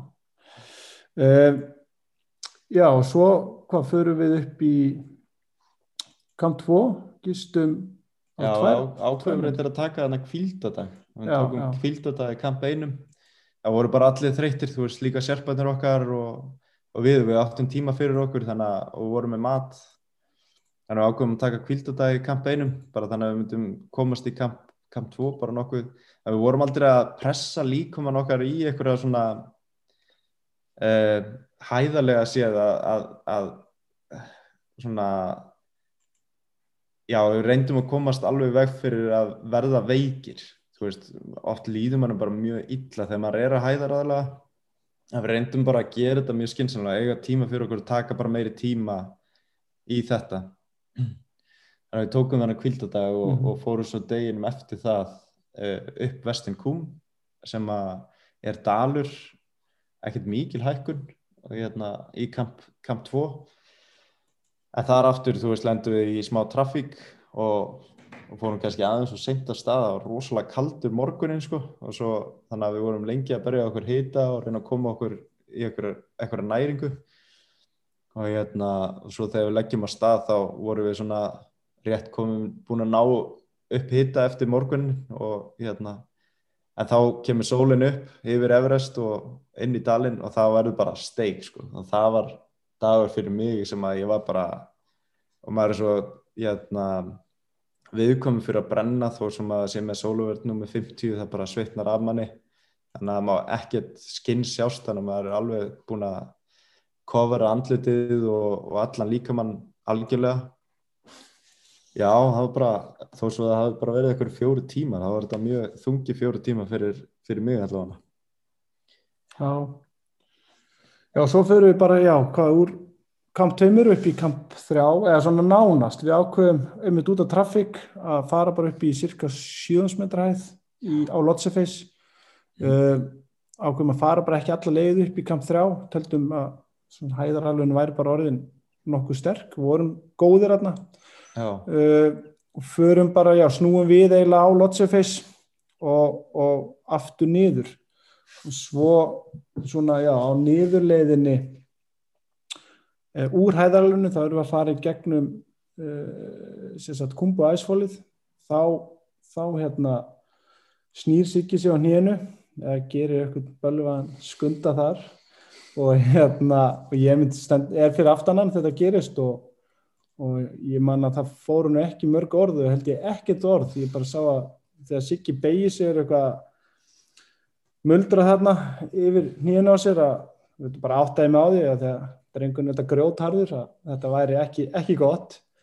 Og bara áttæði með á því að hann hefði eitthvað slasið sér frekar ítlaðna og hann nær á einhverju þrósku adrenalínu, ég veit það ekki eins og ný að nær einhvern veginn að skila sér niður kumpa aðsvölu, þetta gerist mér þess að frekar ofalega Já, frekar ofalega sko. og, og ég er að, eins og segi svona uh, Siggi bara nær að fara bara á, á aðeins mér hraðaði við bara niður uh, kumpa aðsvöl bara til að skila sér niður að því að það var eins og segi, ofta tíðum var ekkert gott flugviður þó að þyrlutnar drífi alveg upp í rúmlega búður tvö og eigi að geta sko bergað í línubjörgun í Kumbæsor þá, þá er aldrei hægt að ganga í vísu. Og hérna en Siggi sér satt skila sér niður og þá hefst hefst þessi baráta með nýjanum, ég man að þetta var þetta er alveg stert í minni mér þetta var 3. mæ sem við komum niður úr hæðaralunni og við erum að berjast við að reyna og Siggi bara að, að hérna reyna og í samstarfið við sýsti sína og, og fleiri heima hann er að berjast í sex daga mm. að koma nýjunu í lag eh, eftir fimm eða sex daga þá leytið þetta nú ekkert allt og kannski vel út. Mm. svo ja. Siggi er bara sendur í kvíldarinlöf nei ég segir svona Siggi þú kannski segir frá þessu parti. Hvað gerir svo? Já, já, ég, ég, hérna, uh, ég veit, já, það, það er samsagt veriðist hafa ripnað svolítið illa í hérna liðþói og, um, og ég snýrið svolítið illa upp á að trostniðu þarna liðböndin hénu og, og já, ég stegi bara eitthvað illa í fótinn, það hefur verið eitthvað bólkur eða eitthvað svoleiðin sem hefur gert það óstabilt og ég stegi eitthvað illa í fótinn. Eins og Heimir segði, þú veist, fyrsta ákvörðun eða hugsun var að ég þurfti að fá björgunarna og svo leiti í kringum mig og sá bara að þyrlubjörgun væri mjög hættuleg þar sem við vorum staðsettir og bara almennt í kumbu og æsfólunu og ég fann svona adrenalínuð vera að koma, koma inn og ákvaða að reyna að nýta það til þess að koma niður. Og raunin bara fór niður, ég mann lítið eftir ferðinni sko, ég reyndi bara að koma niður eins hratt á ég gæti og var raunin ekkert að tryggja mig í neitt sko, ég bara ég hérna hjekki í þessum línum og, og hérna, eiginlega með tárin, tárin í augunum. Og hérna en svo þegar við vorum komin neyri í basecamp þá og reyna að fara, vera í einhverju meðferð. Það er bara ég svaraði engri meðferð og gæti valla að fara það millir tjálta þannig að fyrir mér var klifri bara svolítið búið þarna. En ég talaði samt við sýstu mín og hún var voðalega först á því að við myndum græði þetta. Bæðið Arna Pál og Hildi sýstur og þau voru sambandið bækljónlæknir sem ég hafi séð þarna Örnolf og við ákveðum einhverju svona livjumeðferð og æfingar sem ég myndi reyna. En ég hérna, endur eins og með að taka ákveðin um að ég var ekkert að svara fyrstu sex dagana að svona meðferðinni að ég þurfti bara að fara niður, niður og sjá hvað þetta væri hvort það hafi verið kannski hérna uh, eitthvað alvarlegri meðisleitur með svona grunaða liðþóin og, og bara sjá hvernig uh, hver staðan væri, hvort að ég ætti bara að slaufa klifrunu eða hvort að ég geti reynt að tjastlaði eitthvað saman sko. Og ég ferði þarna neyri í Kathmandu sem var eiginlega bara í nerviðasta ferð, ég fór þarna í þyrlu og þetta var rosalega erfitt að fara í burtu úr aðstæðan, bæði að skilja þú veist strákana eftir í basecamp og ég veist ekkert hvort ég var að koma upp aftur. Og ég hérna en ég ekkert neginn náði hugum minn var svo mikið á fjallinu. Ég er svona eiginlega bara ef ég horfið tilbaka á ferðina það er eiginlega bara svona ég manna eiginlega aldrei eftir þessum, þessum hérna, tíma í Kathmandu að ég fór þar í, í svona segulómu það sem var staðfest að þetta væri liðþóa skemmt, svolítið slæm og, og trosnin í liðböndum. Og þar komst ég tengingu við svona einn helsta sérfræðing, nýja sérfræðing uh, þarna í Kathmandu og ég sagði bara ég vildi velja gera allt sem ég gæti til þess að koma þessum nýja í lag og ég fóð bara í svona prívat meðferð hjá honum og tveimur sjúkarþjálfum um, einu svona dag í fimm daga í einhverju tvo tíma þar sem að ég var bara með að gef, gefið uh, meðferða plan og, og þau voru að trýta með það og náðu að koma leiðböndunum alveg frekar gera þau frekar góð og minka bólkur í nýjanu og ég fór úr því að valla geta stíði í fótinn í, í það að geta bara lappað nokkuð, nokkuð vel og hérna um, og svo svona kölluðu strákunir á mig að það væri að koma viðuglöki sem að við þurftum að reyna á. Og ég ákvaða að fara í rauninu upp í Basecamp og bara hugsaði veist það væri þess virði þó svo ég væri bara í Basecampnum að styðja klifrið en ég myndi reyna að gera mitt besta. Og já, við komum þannig ég kom þannig aftur upp í Basecamp og mér fannst ég vera svona, ég þurfti svona aðeins að vennjast hæðin aftur, ég var greinlega búin að missa aðeins niður eftir þess að dvöl í Kathmandu og vera bara hreyfingalös í, í rúma tvær vikur. Og hérna og þá erum við að býða eftir viðuglöka að komast upp í fjallið sem að ég held að hafa líka hjálpað mér aðeins, þú veist, ég var alltaf að vera sterkar og sterkara og, og greinlega svaraði mjög vel meðferð þegar ég var komin í almennett súröfni sko. Um, já þá er bara komin, komið að því að, að horfa á, á sömutklöka mm. Var eitthvað svona, svona ákvæmum taka þarna hjá ykkur sem þið voru búin að skipulegja að ef að Siggi hefði ekki farið þá ætlaði þú að halda áfram samt eða kom þetta eitthvað til tals? Já, við vorum búin að skipulegja uh, svona flestar útfæslu sem gætu gerst á fjallinu uh, ef það er þau sem sagt uh, meðslega annað þá færi hinn upp heldur ferðina áfram uh, bara uh, en, en við vorum líka búin að skipilegja það ef að eðlilega ef að er þau þannig sé slís eða veikindi sem að það færi alltaf bara eftir hvað þyrti marga til að aðstofa þann sem þyrti að fara nýður uh, ef að þetta væri þannig veikindi eða slís að þyrti sko fjóra til að koma þá þetta færi allir nýður en þetta þetta leitu þetta aldrei þannig út en þetta var rosalega erfitt. Ég manna þegar Siggi fer nýður hérna í þyrlu að ég maður hrettur um að þetta geti verið crossband og, og, og ég svona var nánast eiginlega meira því að hann kæmi ekkert aftur upp. Svo andlega fyrir mig var þetta nokkur dagar mjög erfiðir. Uh, maður var svona farin að þurfa að mindseta sér svolítið í það að maður þurfti að fara í þetta einn og að vera búin að vera með sigga í öllu, alla daga í öllum æfingum, öllum plönum uh, verið búin að sjá fyrir sér að gera þetta saman, það tók gífulega á og þetta var andlega sér mjög erfið tími uh, fyrir mig. En svo svona áttu þetta við tölumst ofta á dag og, og, og maður fylgist með og þegar svona var einhvað að lagast það er svona það gaf, gaf mann alltaf einhverju von að hann gæti þá komið upp. Svo að En klálega, þetta var hrikalegt, ég man að hérna, þetta var mjög erfið kveðjastund þarna á þylluflugfallinum í grunnbóðunum að, að horfa eftir honum, þetta var bara og einhver ömölu bíómynd. en, en já, hann kemur upp og, og, og hérna, ég man að fyrsta sem Siggi sagði, djöðlartunum rýr og lítill, með brápínuðu það, maður þetta farin að, að fara að líða vel á ferðina og, og hæðinu þetta getur mann svolítið upp eh, sama þó maður borði og eins mikið maður getur þá, þá mingar maður alltaf. Sikið þetta bara að koma hana Fer, fers, ferskur, feitur og góður.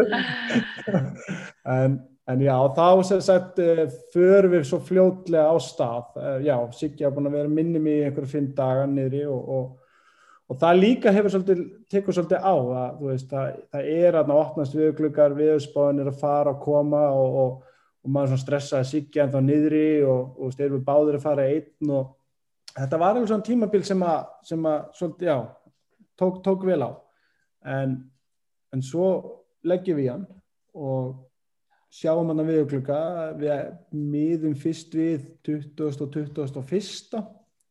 Um, leit ágætlega út en það var svona, það var engin svona frábær gluggi þannig sko uh, og viðspotna flökkuðu svolítið til og frá. Svo að á þessu tíanbúndi þurftu við bara svolítið að taka ákvörðun. Og hérna og þá heldur þetta áfram. Við sem sagt erum hálnaðir upp kumpu æsfól þá slasa Siggi sér aftur í nýjunu og, og þarna var Siggi bara sestu niður og sagði að þetta væri bara búið.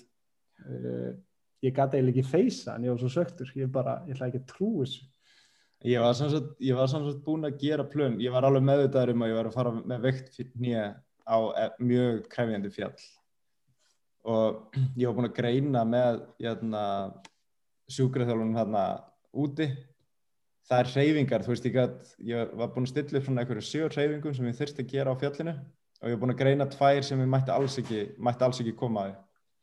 Og sem voru bara mjög, myndi komið kannski í sömu stöðu og ég var áður og svo var þetta eitthvað ég var búin að halda rosalega um fókus. Ég var bara búin að plana hvert einasta skref í kumbu í Ísfallinu hvernig ég ætlaði að hreyfa mig, hvernig ég ætlaði að stígu í sprungur. Og það var búin að ganga, ég var bara í því líkum fókus var aftast í línu og það var búin að ganga ótrúlega vel. Svo voru við eiginlega bara alveg að vera komnir upp. Er svona kref, mest krefendi gablin eftir. Komum svona tvo þriðju af leðinni þá gerist eitthvað, ég gleym mér í smá stund af því ég var bara komin, mér var svo gott að vera komin að ferða aftur og var komin á hreyfingu. Og var búið að ganga svo vel og ég eitthvað neginn, þetta var svo skrítin leið að snúa nýðið sko. Bara held í línu sem að, sem að tóast til hliðar og kemur snúningur nýðið aftur og bara með mikinn sásöka eiginlega, já, bara svona sambarulegum og gerðist, þetta er bara eins og maður snúið sér aftur í, þú veist, ökla og þá var ég búin að ákveða ég á náttúrulega, við hefum náttúrulega svo góða að, þú veist, Ales og Vilborgu hérna í Slóðinni og ég hef búin að hérna plana mig svolítið með bæði Arnari Páli og Hildi og, og Ales sem er mjög öflugu fjallamæður og hérna hann hann komið til þú veist, ef að ég myndi ætla að fara upp í fjallið, að ég myndi taka alla ákvarðanir fyrir, þannig að ég þurfti ekki að gera þær í einhverjum verkjum og og þetta var einmitt einn ákveðin þú veist ég var búin að ákveða ef ég myndi snúa mig og ákveðin hreyf myndi gerast snúa mig, það myndi ég setjast niður og reyna að greina hreyfinguna. Þú veist hvað hefði gerst á þenni held áfram með að gerði nokkuð sem ég gerði. En svo ætlaði Heimir og, og Ang voru komin aðeins á undan. Ég ætlaði bara svona kannski 30 metra ofar og ég ætlaði bara að reyna að ná þeim og ég var bara að drepast í fætinum í nýjanu og í ég var með á bara freka miklu verkjartöflum hérna, verkjarstillingu þorði ég ekkert að vera að bæta mikið ofan í það sko. En svo þegar ég segi við mitt strákana bara ég, ég held að þetta sé búið fyrir mig að, og þá sá ég bara hvað voru bara andlisveipurinn á öllum í hópnum. Hvað voru búin að vera með mér með fullu hjarta allan tíman í gegnum þessi nýjumæðsli og ég hugsaði bara að þú veist ég bara, ég, ég get alveg tekið smá sársöka þú veist, til þess að leif, leifa þessu að þetta er, já, þetta er nýð meðan ég geti einbætt mér að tryggja mig vel að þá væri sársöki bara sársöki, þú veist, þetta var ekkert lífsættilegt, nema ég myndi missa á tryggingum. Þannig ég, þarna hefur við rétt að skjóta inn í, þarna líka tekur Sigja ákvörðin sem var alveg mjög skinsanlega, við vorum komnir nær kamp einum heldur en grunnbúðum og uh, í staðin fyrir að fara allarleið tilbaka mögulega mm. á nýjenu að þarna tekur að það er allan að það er betra fyrir þyrlur að aðtapna sig við búðir eitt og já, tekur það ákveðin um að já, fara einmitt. upp frekari niður Svo, já. já, ég hugsa að þú veist að, já, að það væri auðvöldar fyrir maður að fara upp heldur en niður og, hérna, ég mitt að Björgun væri þægilegri þar. Og þar vorum við með þú veist tjöld sem að ég geti komist í skjól og vorum með mat. En hérna já þessir næstu tveir tímar voru bara hann segja bara algjört hell. Það var, ég var að verka þessu í fótinn en einhvern veginn komst ég í takt við að geta hlýft í hérna hnénu og maður er náttúrulega með júmara þannig að ég var eiginlega komin inn á og ég gæti klifrað á öðrum fætinum og svona júma mig upp. Og ég komst í eitthvað, eitthvað svona ferli þar sem ég náði að hlýfa fyrir fætinum og mér fannst ég geta og ég náði að halda mér algjörlega örugum og allavega upp í kamp 1 og þegar við vorum að nálgast kamp 1 þá vorum við komin svona í þægilega umhverja að ganga og þá gæti ég stíði svolítið betur í fótinn og, og svona já, fór svona að vinna með mér sko. Og ég tók reyndar auka þarna parkotín eh, ofan í hitt þannig að ég var svona komin aðeins umfram það sem að ég kannski átti að vera að leiða mér en það hjálpaði mér með verkina sko.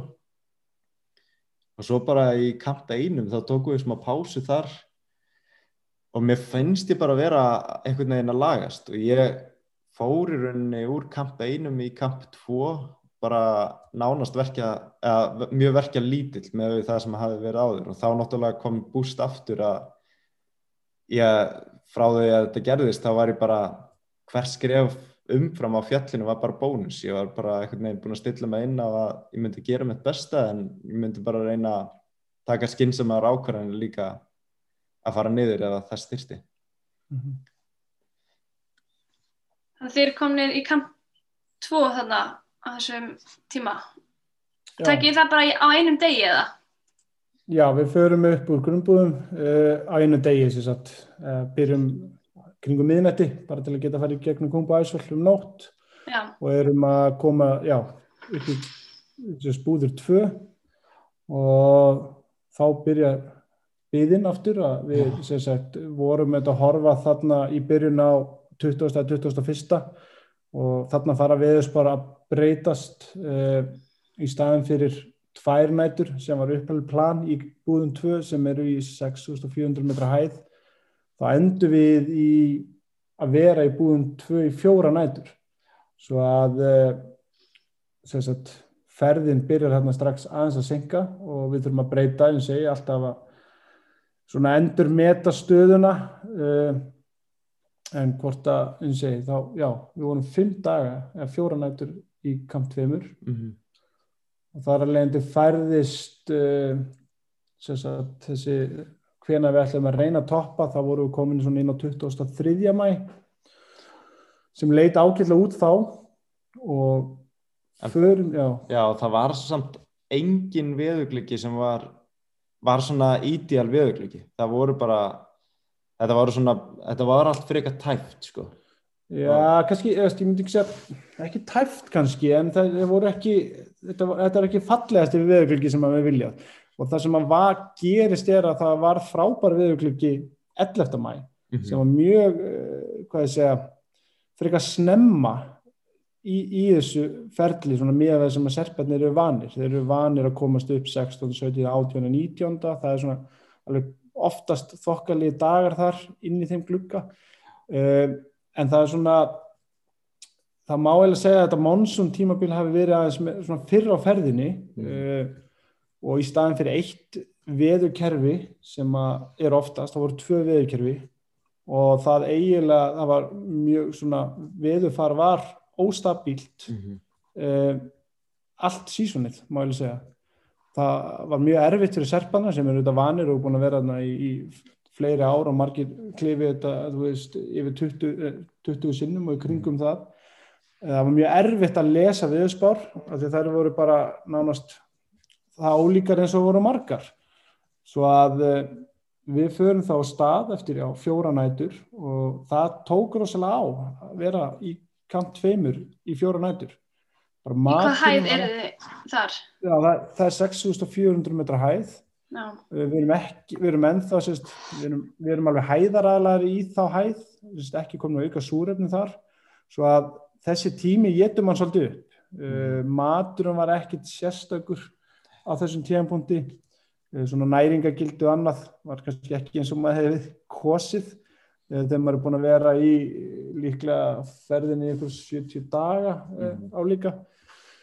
En við komumst á stað eftir fjórunættur og leggjum í hann að fara upp í sagt, búðið þrjú og komast þar þá í, í okkar súrefni og, og hefja þá algjörlega, maður þurftum að miða við þá þann dag sem vorum að miða á, upp á súrefninsbyrðir mm. það gengur ágætlega sá dagur nema þegar við komum upp í búðið þrjú þá kemur ljósa að glemdust þarna tjaldsúlur svo að við ætlum að vera með tvö tjald en við vorum með eitt tjald svo við náðum einhvern veginn fimm aðilar sem betur við voru að mjóir þarna. Já, kannski að það hefði það. En við náðum sérst að tróða okkur inn í fimm. Þetta var inn í þetta eina tjald. Og, og hérna, erum að byrja að taka súrefni uh, erum í tróðningum nóttina og brjála viður svo þetta var það var erfiðasta nóttin fyrir mig. Já, ég, ég eiginlega sá ekki neitt. Siggið mér svo breiðar axlir að ég kom ekki í tánu fyrir neinstaðar og þurfti alltaf að hnýpra mér saman og alltaf að vakna og tjekka hvort það væri súrefni í gangi og þetta var, þetta var eiginlega hryllileg nótt. Mhm. um, en einhvern veginn náðu við að komast í gegnum það eins og margt annað um, næsta dag þá eins og vöknum við í búðum þremur og það eru mjög margir að fara á stað úr búðum þrjú. Uh, það var mjög mikil fjöldi að um morgunin uh, lendum þarna í smá byð það var svolítið byðruð milli að kamp þrjú og svona upp að Yellowband sem er þá nálagt Lotse Hækamp og en það gengur allt alveg bara nokkuð vel. Mm. uh, ágætis dagur og þrátt fyrir lítinn svepp þá að einhvern veginn fæ maður auka orku. Það er bara uh, eitthvað skonar adrenalín spenna Mm. að hérna, komast á næsta stað og er bara að keira gel og drasli í sig og hérna bara áfram gakk.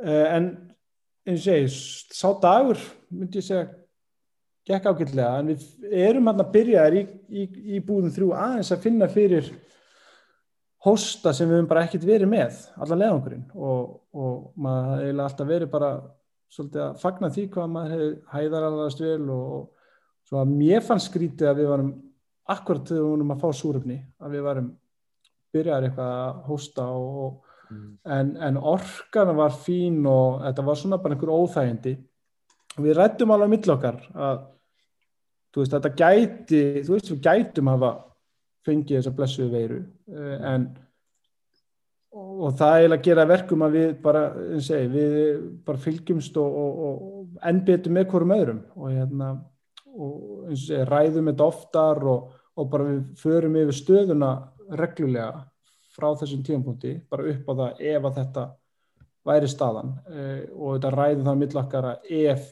einhvað verður verra, það verður bara erfitt með öndun hjá einhverjum, hvort sem okkur er að serpum, þá mun hluti af leðangunum bara fara niður. Uh, það var alveg klárt og, og rætti upphafi. Um, við sem sagt, já, eigum góðan dag, ég er ágætlega sterkur, Siggi, þú varst nú fýll líka þarna. Já, Við vorum bara- mjög vel sko. okkur leið bara vel og, og við sem sagt komum þarna upp komum upp af Lotse Hækamp ég man nú ekki að hæðin á því ég ætla að sé kustar 7-8 held ég. 7-8 kannski eitthvað svo leiðis þá kemur ljósa bara Lotse Hækamp bara var allur í rúst þá hann hefði bara fókið og, og þeir voru þarna nokkur að reyna að kjastla saman ný, ný, bara nýjum búðum þar þeir sem voru að reyna við Lotse og við sem sagt komum svo upp í uh, South Cole eða Camp 4 í 7900 metra hæð uh, en mað, þarna er maður alveg honum þreyttur, þetta er orðið langur dagur lítill svefn og þarna er maður, maður fann að finna fyrir þreytu. Og það tók ekkert sérstaklega góðu kampi við okkur, hann var basically í rúst uh, það var gífurlega vindur þegar við komum. South Cole er mjög opinn svona, maður segja hryggur hérna fyrir neðan Top Everest. Og ég tel að vera svona 80% af tjöldunum hafi verið fókin, ónýtt og rifin. Það er alveg pínu sjokkarindi sérstaklega fyrir mér að ég ekki hugmyndi að væri auka tjöldan auðfrá svo ég svona fyrsta sem ég hugsaði bara hvernig, hvernig fjandanum tæklu við þetta og, en þá var bara að fara í það að draga ný tjöld undan einhverju seglum og þeir eru öllu vanir sem serpar svo þeir eru ekki búin að missa freka mörg tjöld þarna í Cole Mm. svo það er bara að fara í það að tjálta og Siggi þarna mjög öflur ég var eiginlega bara orðin og þreyttur. Mér var einhvern veginn bara hend inn í eitthvað tjald og ég vissi bara ekkert hvað ég var að gera þar. Bara eitthvað sjóandi súrefni eins og ég gatt en það fer rosalega mingil orka í þessa vinnu. Við erum að koma svona tvölitið var það ekki? Svona Já, eitthvað 2-3, já. 2-3 upp í búði fjögur og það er verið að tjálta bara nýjum tjálbúðum þarna til bara 6, rúmlega 6, 7 og plani hjá okkur var að, að hefja okkar uh, klifur svona einhver starf myndi 9 og 10 þetta sama kvöld Já. svo já, kannski tekur framaldið hvað, hvað gerir svo hvað ég bara að klára þetta ég er svo þreyttur Gaman að hlusta. Já. Já, allavega, við sem sagt uh, erum tökum þarna ákvörðum, það var gífurlega slæmt yfir og við vorum vonast til að myndi læja, spárna gerur ráð fyrir því, eh, það gerist ekki. Uh, svo við siggi ásamt okkar uh, serpum, við tökum ákvörðun um að sækja auka súrunnsbyrðir sem að við áttum í hækamp Lotse eh, sem voru í nokkur hundur metra fjarlægð frá okkur. Eh, það var svona ákveð lán í því að við vorum með sagt eh, svona plan að hugsalega klifra Lotse í framhaldinu Everest ef allt gengi mjög vel upp. Svo að við áttum leifi á Lotse sem er fjörða hestafjall heims og er einhverstaðar í 8500-600 metra hæð. Við áttum leifi og áttum súrefni til þess að klífa Lotse ef að allt gengi upp eins og sögu uh, en við allan mátum að þannig að við vorum ekki til að fara upp þarna uh, að kvöldi 22. mæ og toppa 23. þó að margir hópar uh, ákveða að leggja stað það kvöld þá hérna enda hefðu þeir hópar ekkit val það var bara annarkort að fara af fjallinu og bakka niður eða láta reyna þennan glugga því að þessi stóru hópar voru ekki með auka súrninsbyrðir gáttu það leðandi ekki tekið sem ákvörðuna við. Að margir hefur allan að gert það. Um, og það var alveg erfið nótt fyrir þá klifrara. Klifrara, það var mikill vindur það var kallt það, fólk var að fá frostbitt uh, og klifrara voru að koma nýður í staðin fyrir að koma nýður í svona modni 2003 þá voru margir að skilja sig eftir háti. Þetta var að nálgast eiginlega hjá mörgum aðlum uh, hátt í sólaring sem að einu orðið sem verka tvísynt bara upp á orku. Og það, voru, það þurfti að fara í björgun á mönnum aðna marga björganir voru, já, marga björganir og, og hérna, svo þetta var rosalega þetta var, þetta var rétt ákvörun mm. að okkar mati. Við fengum meiri sagt, orku, við gætum sofið þessa nótt, sváðum mun betur. Búin að venja súrefninu. Mm. og já, vöknum 20, mótnið 2003 eh, okkur út kvildir Mm. en þá svona kemur ljós að þann morgun að hérna, vorum alveg ferskir og, og hefðum aðeins svona örlítið spjalla saman. En, en svo kemur ljós að Siggi hafi líklega eða svona orðið fyrir uh, einhvern súrumskorti og, og það eiginlega kemur bara svona í ljós þegar við erum að uh, bara kanna súrefnisbyrðirnar og það var komið tíma að skipta um súrefniskút þetta líklega verið kannski 9-10 mótni 2003 að ég segi bara þarna sérst á þessum tímbondi að Mingma sé að koma með nýja súrefniskút og, og Siggi kveikir ekki alveg. Hann svona horfir á mig og, og, og áttar sig ekki á nafninu. Og hérna svo ég endur tek sérst og svona í framhaldinu þá þetta sá ég bara að Siggi er ekki alveg að kveikja öllu sem ég er að segja. Og, og ég er ekki alveg að kveikja okkur, hann er ekki að kveikja. Svo að þetta í framhaldinu spyrja hann bara um mitt nafn. Uh, sem hann ætti að klálega muna. Uh, og þegar hann man ekki mitt nafn þá svona áttu, áttu að ég með á því að, að, að það sé einhvað í gangi uh, mjög líklega súrunstengt og Siggi átti sig bara á söfnum um mér. Það er ekki alveg í lægi með hann. Að því að þú veist að að hann var aðna og þú veist, hann var bara eins og hann væri bara venjulegur en hann, hann var bara og, og ég meina þó að þetta var svolítið sérstakt sérstakt allt en, en ég er sér sagt Siggi er þá með þess að byrja að svona, kíkja á súröfni sitt og hann áttar sér alveg á en, en er einhvern veginn ekki að kveikja eða sérst á nöfnum.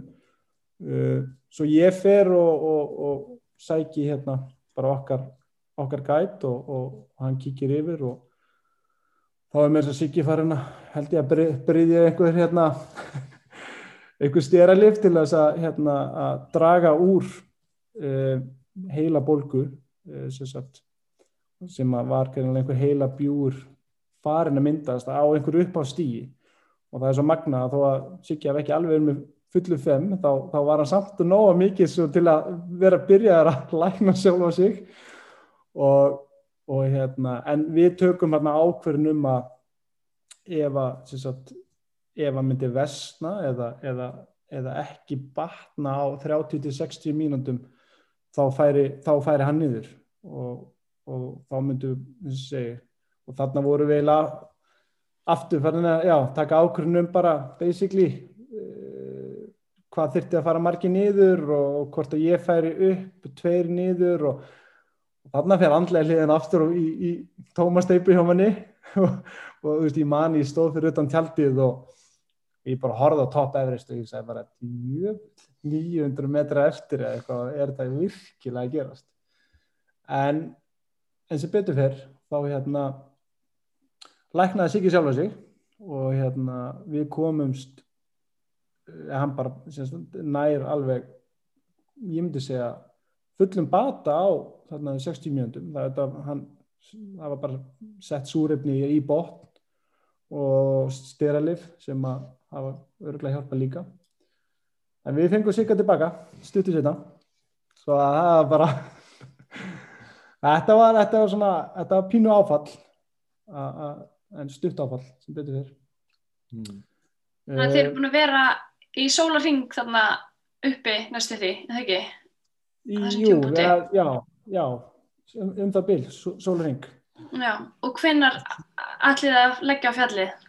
Svo, já, þá var planið að, að reyna að toppa að, um nóttina 24. mæ og fara þá stað svona einhver staðar um svona hálf nýju að kvöldi og, og þessi dagur gengur satt að segja bara nokkuð vel við e, náum að borða vel kvílum okkur og náum einhvern veginn svona svolítið bara fýblast ykkur um öðrum og halda stemmingunni og þessi dagur var að mínu mati og í mínu minni þó að verið svolítið vindur í sáðkól þá vorum við mjög peppaðir mm -hmm. uh, og báðir með orku og, og hérna, til í þetta verkefni og þegar við leggjum að stað um kvöldi 2003 þá erum við eiginlega bara í toppmálum uh, og erum sterkir mm -hmm. á mhm. fjallinu toppum hálf fimmum nóttina 2004 uh, sem að pínu snemma ástæðan fyrir því að við var að það vorum í margir fjallinu kvöldi áður við ætlum ekki, ætlum að hindra það myndi lenda í röð eða festast einhverstaðar í línu. Svo við förum frekar tímalega á stað en endum með að ná mjög bara góðu klifri og góðan hraða. Uh, og það gengur, já, ég myndi segja allt eftir þarna upp. Mm -hmm. uh, en eins og ég segi það, þetta, þetta tekur á svona klifur og, og, og, og plönin kannski, hvað ég segja upplifinu annað uh, við þetta þurftum, það voru aðeila sem hefðu látist ofalega og var ekki búið að ná niður voru tveir hérna á fjallinu sem að eðlilega þó við, við vissum að þeir væru og við vissum alveg við hverju þetta búast en það er alltaf átakalegt að, að sjá fólk sem er látið uh, ég myndi segja nánast í hvað aðstæðan sem er. Þetta er, þetta er bara svona ákveðin sorg sem fylgir því að, að uh, nánast bara þurfa að stíga framhjáðum og yfir þá sko og, og, og bara liggja annar var við South Summit cirka og hinn við Hillary Steps og, og þetta auðvitað fær mann allan mig, klárlega svona þetta opnar hvað ég segja maður, maður veit hversu hversu og, og mikil alvara þetta er að vera komin í svo mikla hæð. Um, svo að upplifun okkar það var, það var rosa kallt uh, á toppnum. Var mistur yfir öllu. Uh, gífurlega fallegt en svona, það var mikið ró yfir þessu og blóðuröðu máni sem ég bara aldrei séð. Við stoppuðum nú allir og glemdum allir taka mynda því við göftum bara á, á þessa þetta útsýni sem við höfðum en, en uh, það var dimmt þarna þessum tíma.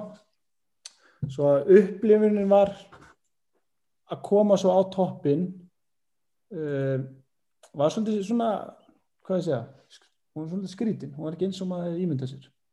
Mhm. held að það sé svona sama það er ekki sammála? Hvernig Jú, það var mjög sérstök tilfinning hérna á, á toppnum. Uh, einhvern veginn maður gæti ekkit uh, já, ég ætla hann að leiði mér ekki að fara í eitthvað svona ofur hamingju og, og sig, sigur til vímu og tilfinningu að, að bara algjörlega fókuseraður á, á því sem við vildum gera þar og reynda glemtum flestum hlutum þar. Að líka að fara að blása svolítið og, og svona maður bara svolítið var um sig að vildi ekki vera fastur eitthvað starf úti þar. Og vorum náttúrulega bara einir á toppnum Já, þetta er svona blendin tilfinning. Það er auðvitað allt svona, það er gleði að koma upp á toppin, að vera á, en, en maður veit að sko erfiður hlutinu eftir, þetta er full alvara, uh, svo að maður fer rosalega fljótt í það. Við klárum að einhverja fánamyndir sem maður höfum bara æft, annað glimtist, ég man að Siggi var að taka eitthvað vídeo, hann var að spjalla við mig að reyna að segja eitthvað, ég bara náði enga veginn að fókusera hvað var að gera þarna og maður er mjög eh, fastur og fókuseraður á að koma sér niður bara heill og hópurinn hérna, haldi fókus og hérna við, eins og ég, við kannski erum aðna, ég, ég átta mig illa á því kannski 25 mínútur mm -hmm. sem við erum á toppnum Já.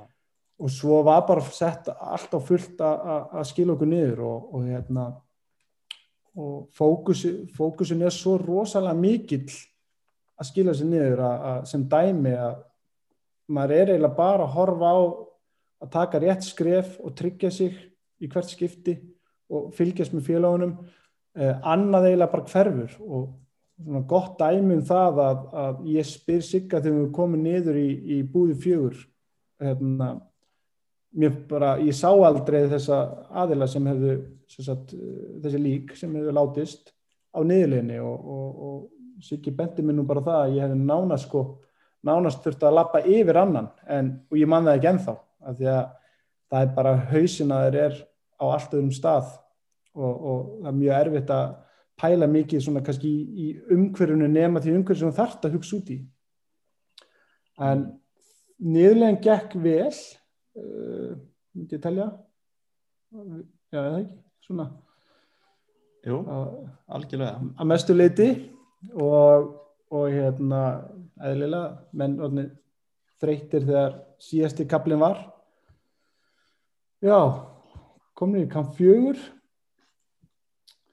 Þá held ég þessi best að ég tala ekki meira því ég var hann svo pyrraður að ég held að Siggi bara taki restina, hann sem verið aftur reyður svo En það er náttúrulega, það hefur gengið á ymsu hann á leiðinu upp hjá okkur og hérna þegar við lendi í ymsu og hnjömeðslinn og svo hérna þetta heilabjú uh, sem betur fyrir að lagast. Uppliðið ykkur í einhverju svona hættu á einhverjum tímapunkti eða fannst ykkur, uh, var, var ákvarðantakan alltaf mjög skýr hjá ykkur á leiðinni eða, vor, eða uppliðið þið ykkur í hættu á tí, einhverjum tímapunkti? Já, sko ég, ég held að við hefum verið rosalega meðvitað bæði hvernig við plönuðum að fara upp og, og reyndum að halda alltaf þú veist, plana fram í tíman og svona reyna að taka flestar ákvarðanir þú veist, áður en við fórum á fjallið svona sem að voru svona fyrir síðar um, og með, með þessum mér okkur leið rosalega vel bæðið saman og ekkert í hætt á fjallinu og þegar það kom eitthvað upp þá var það tæklað mjög vel það var rosalega ítrekkað rætt, veist, það var enginn í hópnu sem var bara að taka eina ákvörðun, heldur rættu við allar afleiður af, af svona mögulegum útkomum. Og hérna já, þannig að allar ákvörðunir að halda áfram voru mjög meðvitaðar. Þannig að ég held að það hefur líka gert að, að verkum að það kom okkur ekkert mikið á óvart meiri sem með heilabjúin þegar ég fekk hann, það ég var búin að greina enginin mjög vel og við vorum náttúrulega búin að ræða þennan möguleika og ég var bara með rútínu, þú veist, ef eitthvað myndi gerast fyrir einhvern í hópnum, hvað, vorum með góða livja, um, gott livjabúr sem við plönuðum með Arnari Páli um, og ég er já þannig að ég er eftir á hyggja eru bara mjög ánæður með allar ákvörðum sem við tókum. Um, og ég held að það hafi svona ger, gert það einhvern veginn gerði svolítið á fjallinu að eitt vandamál svona kvarf þegar annað kom upp aftur en öll vandamáli saman hefði kannski verið öðru, öðru sig aðstæði sko þannig að einhvern veginn svona eins og ykkur hafi bara verið með okkur að púsla saman og gefa okkur þannan litla þrönga glugga á toppnum og, og við bara svona fylg, fylgdum honum svolítið. Mm. Þeir eru kominir hérna í kamp fjögur og heimir árið mjög pyrraður og hvernig gengur niðurlegin eftir þetta? Það var reynda svolítið, svolítið gott sko. Við náttúrulega vorum búin að vera þarna ferðin í einhverja tólf tíma eh, sem er bara frekar, frekar góðu tími fyrir, fyrir toppadag.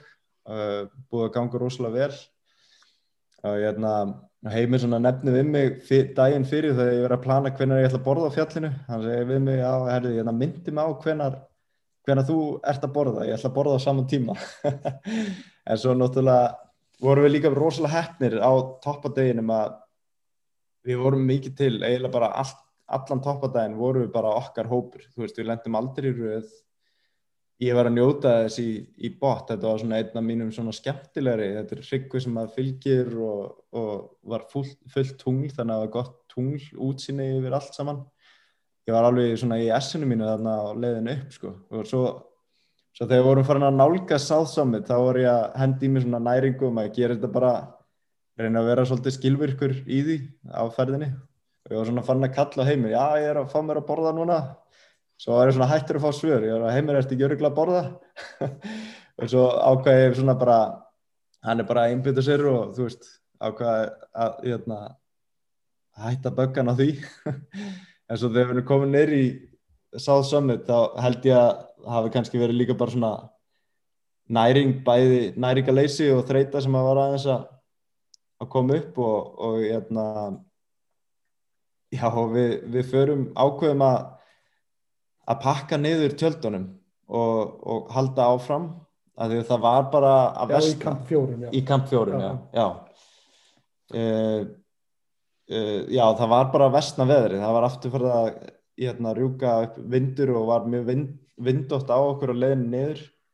Og þetta er bara einhvern veginn ekki staður sem að vill vera á með lítin, litla næringu og, og minna súrefni. Minna súrefni og orðið lítið á súrefni. Þannig að það var ákveðið bara að, að keira áfram niður, næra sig aðeins og, og svo halda áfram en vorum kannski búin að ég held kannski heimir hafa verið búin að sjá fyrir sér að komast nýri tjald og fá, fá smá blund sem að tekið árum, það var ekkert alltaf spettir yfir því sko.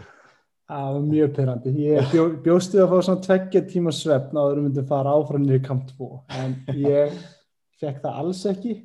Og, og ég manni ég var meira svo lengi að aftafnum í tjald að þeir voru að taka tjaldsúlunar úr tjaldinu meðan ég var eitthvað að klöngrast út úr. Svo ég var mjög þreyttur þarna. Ég, hérna, þessi ferð niður frá kamp fjórum já, ég ég myndi segja millir kamp fjórum og niður í kamp tvo það hefur verið erfiðasti dag lífsminns ég ætla bara að kasta það fram núna sko. það var bara svo les Þetta var, var mjög þúnt, það var náttúrulega bæðið þess að hérna, orkuleysi og næringaleysi og ég sá alveg að heimi að hann var, hann var átti erfiðra heldur en ég og þá einhvern veginn kemur líka svona, heldur svona félaga hugurinn sko, þú leiðir ekkert að vorkina þér, þú veist, þú ert bara einbyttaður af félaganum og, og það gangi allt smurt.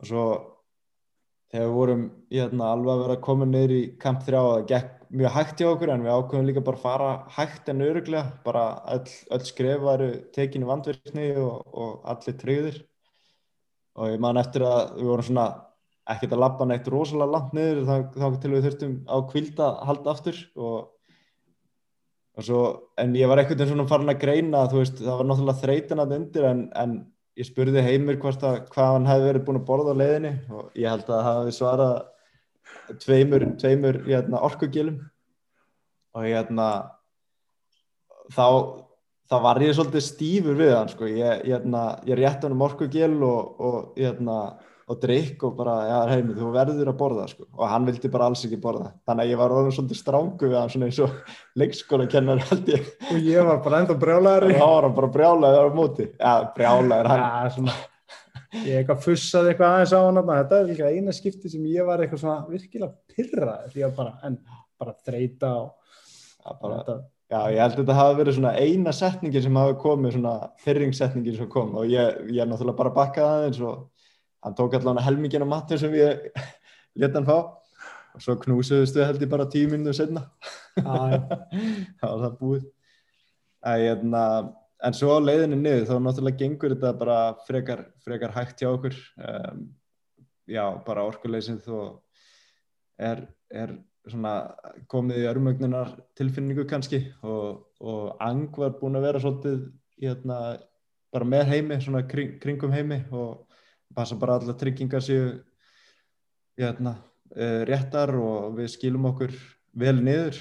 Og svo býð ég bara svona, ég er aðeins fyrir ofa þá ef það vantar eitthvað auka hjálp þá en ég fann að finna þarna í Lotsefeis að ég kom með þú veist beinverki og, og svona ekkert fann að líða neitt rosalega vel. En svona leta ekkert um, yfirgnafi þá, þá vinnu sem við áttum framöndan sko og svo skiptu við kannski þarna sá ég að Angvar líka orðin bara mjög þreytur og ég þarna uh, svona svolítið bú, já bara búin með orkuna líka. Þannig að við heimir förum í fyllt þarna neðri hluta lotse uh, veksins og, og erum bara komin í svolítið góðan gýr og bara peppum hvern annan upp að klára þetta. Þetta væri svona hálftíma ganga eftir, eftir niður í búðu 2 sem að held ég hafa nú tekið okkur 82 tíma Já, ég held að, já, þarna var allan að sko, þarna er bara, ef maður komin algjörlega í hausina sér að, að hérna, maður er orkulega sér bara game over uh, en það er auðvitað alltaf einhver auka 30% eitthvað sem maður hefur og, og þarna var maður bara farin að reyna að tala, tala við sjálfa sig að það væri, maður væri komin á þann tank og, og einhvern veginn tóks manni það og já, við náðum einhvern veginn að peppa hvern annan upp síðustu tvo tímana að klára þetta. En, en sko að vera komin í búðið tvö það ég bara eins og ég sopnaði sko sitandi inn í mataltjaldi algjörlega algjörlega búin á því. Og hérna svo það var, það var gott að komast ángað Já, það er svona örgis tilfinning að vera komin neyri búið tvö sko, það, það er svona aðeins betri umgerðum að veita þyrrla getur komist, þetta er svona ákveð örgi og við erum náttúrulega hæðar aðalega fyrir þá hæð sko. Og hérna, svo var þetta einhvern veginn uh, var ég rosalega fókuseraður, maður má heldur ekki alveg gleyma þú veist þó svo að þetta sé svona örmögnuna tilfinning og hérna, þreita að, að halda áfram að hugsa úti um sjálfa sig sko, og félagan og í þessi tilfelli þú veist þá bara koma næringu að því að það hefur alveg gerst að, að, líka mann fær bara svo mikið sjokk að hérna, um, maður er ekki alveg úr hættu fyrir en næringin og orkan er komið tilbaka og, og sefnin þannig að ég var voðalega fókuseraður á það á þeim tímpundi og svo einhvern veginn bara leiðum að sá lífi koma aftur í augun og í andlitið og heimi þá þá einhvern veginn tók ég við og, og veikindin hjá mér eh, fór að svona yfirstíga yfirstíga mig og ég var bara já ég var í rauninni bara fár veikur þarna í kamp 2 sko. Og ég er farin að hafa áhengjur að því að ég var svona farin að gruna vel þar að þetta laðið svolítið mikið í lungun á mér. Og hérna bæði hostinn og svona tilfinningin að ég var ekki að ná upp hérna, ég var bara mjög lítillir súröfnismettun og ekki ná að ganga almenna á milli tjaldbúða. Og ég fann bara orkuleysi var bara að var eins og í róliheitunum var að skrúa, skrúa fyrir hjá mér sko og þá var mér farið að gruna að þetta hlitt að ég hafi fengið COVID. Og þá heimir hlitt að vera með COVID líka sko. Um, Þannig er þess að Siggi komin bara aftur í súrefni. Uh, bara áttu það erfitt með bara almenna öndun og, og, og líka bara upp á súrefnismettun að ég held að það veri bara já, fyrir eitthvað fljóðlega að þú ert komin Já, ég fór í gegnum fyrstu nóttina og svo morgunin þá tók ég, að því ég bara svaf eiginlega ekki neitt þá nótt, kvildist lítið og já, ákvaði að taka súröfni þann dag. Og við lendum aftur í þarna, bara eins og uppliðin, að við festumst aftur í búðum tvö út af, út af veðri, það er þess að þarna er farið að snjóa mjög mikið mm. og ætluðum okkur að reyna að komast bara sem fyrst nýður eh, það var ekki flugur til dæmis svo að eh, ef að Siggi hefði vestna þá bara, við þurftum að taka ákveðnum að koma okkur allan að neðar uh, og við endum með að vera þarna í bara tværa þrjánætur Þrjá? ég held þrjánætur já. já við endum þrjánætur og, og við Siggi rættum þetta við bara yrðum að fara að stað og Siggi verður algjörlega meðvitað um það sjálfur að hann yrði að komast neðar og komast á helst í flugfæri ef, að, ef þetta myndi vestna og við vorum ekki komnir 50 metra frá búðum 2 þegar Siggi ætlaði að fara nýður án aukasúrumni þá kemur bara ljósa að hann vorum ekki að fara á þess að vera með súrumniskutt tengda við Sigga þarna. Og... Já, ég fann bara eins og bara að vera að fara að líða yfir með þarna eh, eftir, já, ég veit ekki hvort við hefum komið 50-100 metra eða eitthvað frá búðunum og hérna, ég spyri hann hvort það sé ekki öruglega súröfni í kamp einum eða eitthvað staðar á leðinni og hann sagði að það væri ekki. Þá, þá mati ég að það væri bara alls ekki uh, örugt að halda áfram án þess og fæða þarna súröfni sem betur fyrir því að ég hef aldrei skilað mig niður án, án súröfni sko. uh, það var nógu erfitt með því og uh, já, þetta var algjörlega minn erfiðasti dagur á fjallinu. Ég held að ég hef aldrei þurft að fara jafn inn á við og, og, hérna, og reyna að halda áfram. Það var aldrei annað í bóði heldur en að koma sér niður sko en það þurfti bara, þetta var bara eins og að vera á, á einhverjum gummi líka maður að, að halda áfram. Um, og með ágætið þingt þarna líka sko, með já. mikið í bakbókunum, þarna erum við að taka niður dóti okkar úr búðum 2 og siggjum með súrumniskút ofan á það, svo að þetta, já, þetta sem betur fyrir en seg var, var þetta fýtt að vera mér svo við náðum svona sviss á milli að vera ekki báðir í einhverju tjónið þarna en, en þetta gekk upp og við komumst þarna niður æsfólið, tók ákveldist tíma en við skiljum okkur niður grunnbúðir og, og hérna og sikið svona, já, þú varst nú með súrumni með þess að eitthvað aðeins áfram þar í margjöld. Já, svo, svo ákvæði ég að halda, ég fannst ég bara ekki vera örgur, ég var alveg svona með það á á uh, já, með það svona bakvið eirum sko, ef ég myndi vestna eitthvað mikið umfram það sem ég var sko, þá væri þetta væri ástandi ekkert, litið ekkert allt og vel út sko. Og hérna, það var ekkert flugviður úr, úr grunnbúðunum þannig að ég reyndi bara að halda mér í súrupni uh, eins og við gátum allavega þann dag og þá nótt. Um, en svo ég hérna, fór ég svona róleihitunum að, að braggast aftur eftir það sko.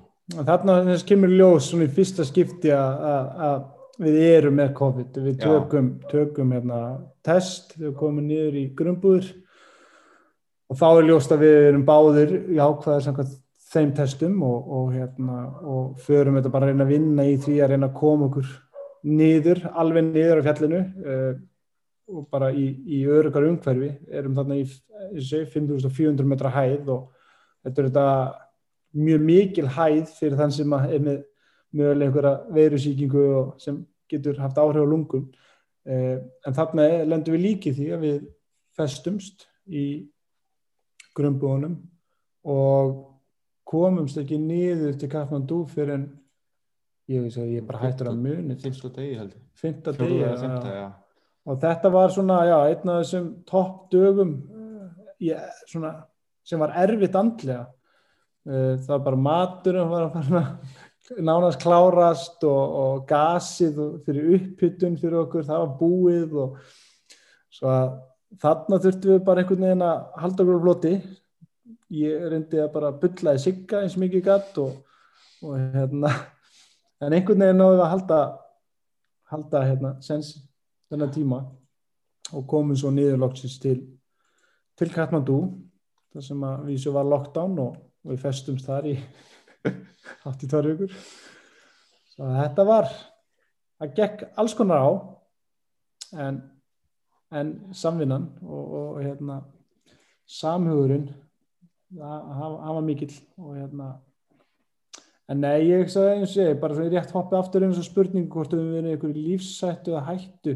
Ek, ég myndi ekki út frá því sem að þó allt sem þetta hefur gengið á en auðvitað er maður þetta alltaf í hættu og svona fjalli hvort sem að kumbu æsfól þú veist, þú stjórnar ekki sko hvernig, hvernig fjallið haga sér.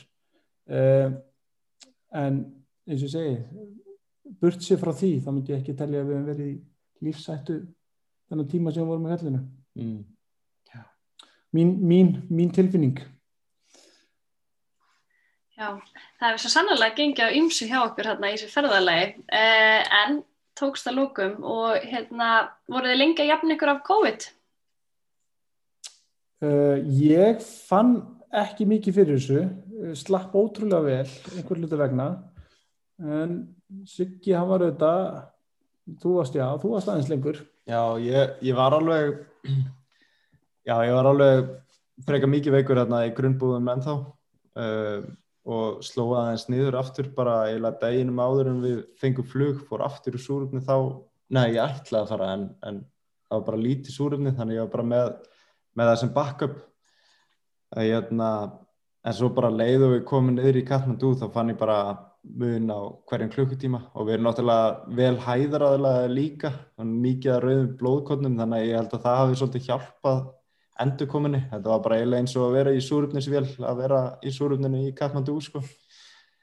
um, þannig að það tók einhverja, ég held að það hafi tekið einhverja svona 2-3 daga með einhver, einhvers konar einkenni en batnaði mjög vel á hverjum degi.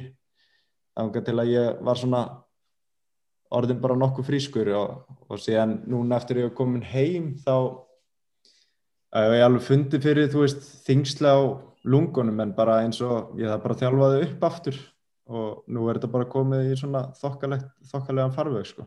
Býtu, fórst ekki, ekki þrjárferðir á snæfisíkul núna bara í fyrir kortiri Siggi er allan búin að gera það, ég er ekki búin að gera neitt. Það er þjálfa lungun. Já, fín leið til þess að hérna, komast aðeins að staða aftur sko. að, hérna, og það gekk vel og ég finn alveg hellingsmun á mér eftir það að bara hafa komist á stað og komið hreyfingu í lungun og, og ég myndi segja bara að ég var orðin full frískur núna. Bara þarf að þjálfa líka mann aðeins aftur upp eftir þetta niðurbrot.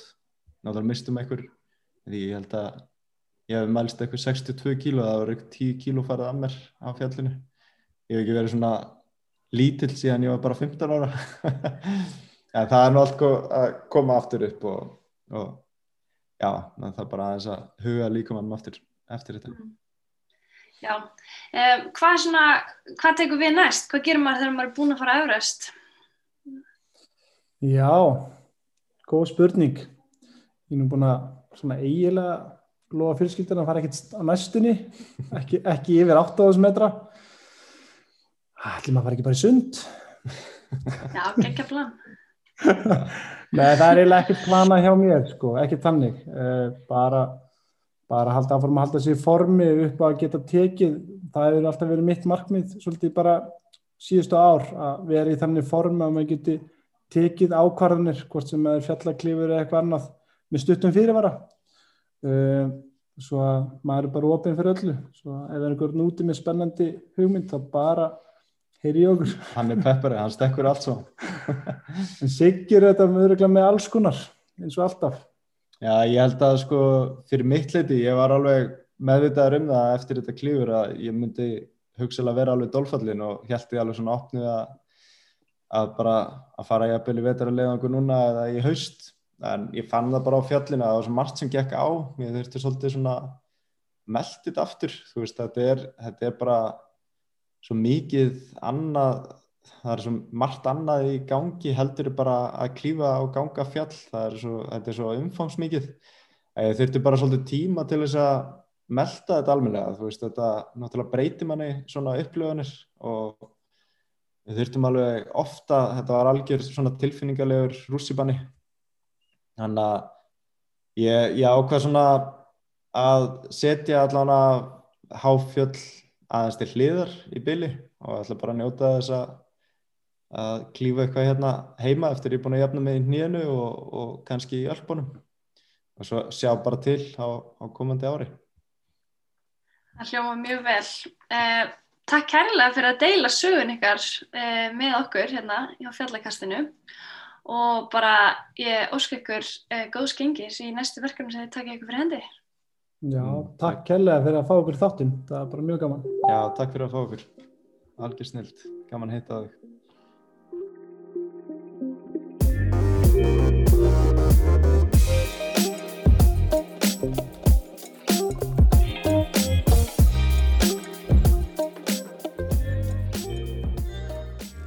Að lókum þá vil ég bara minna ykkur á að þið geti fyllt mér á, á Instagram at localislander og á Facebook at fjallakastið og ef þið eru með einhverju hugmyndir eða þættir sem ykkur langar að heyra ekki hika við að senda mér skilaboð á Instagram eða annar staðar.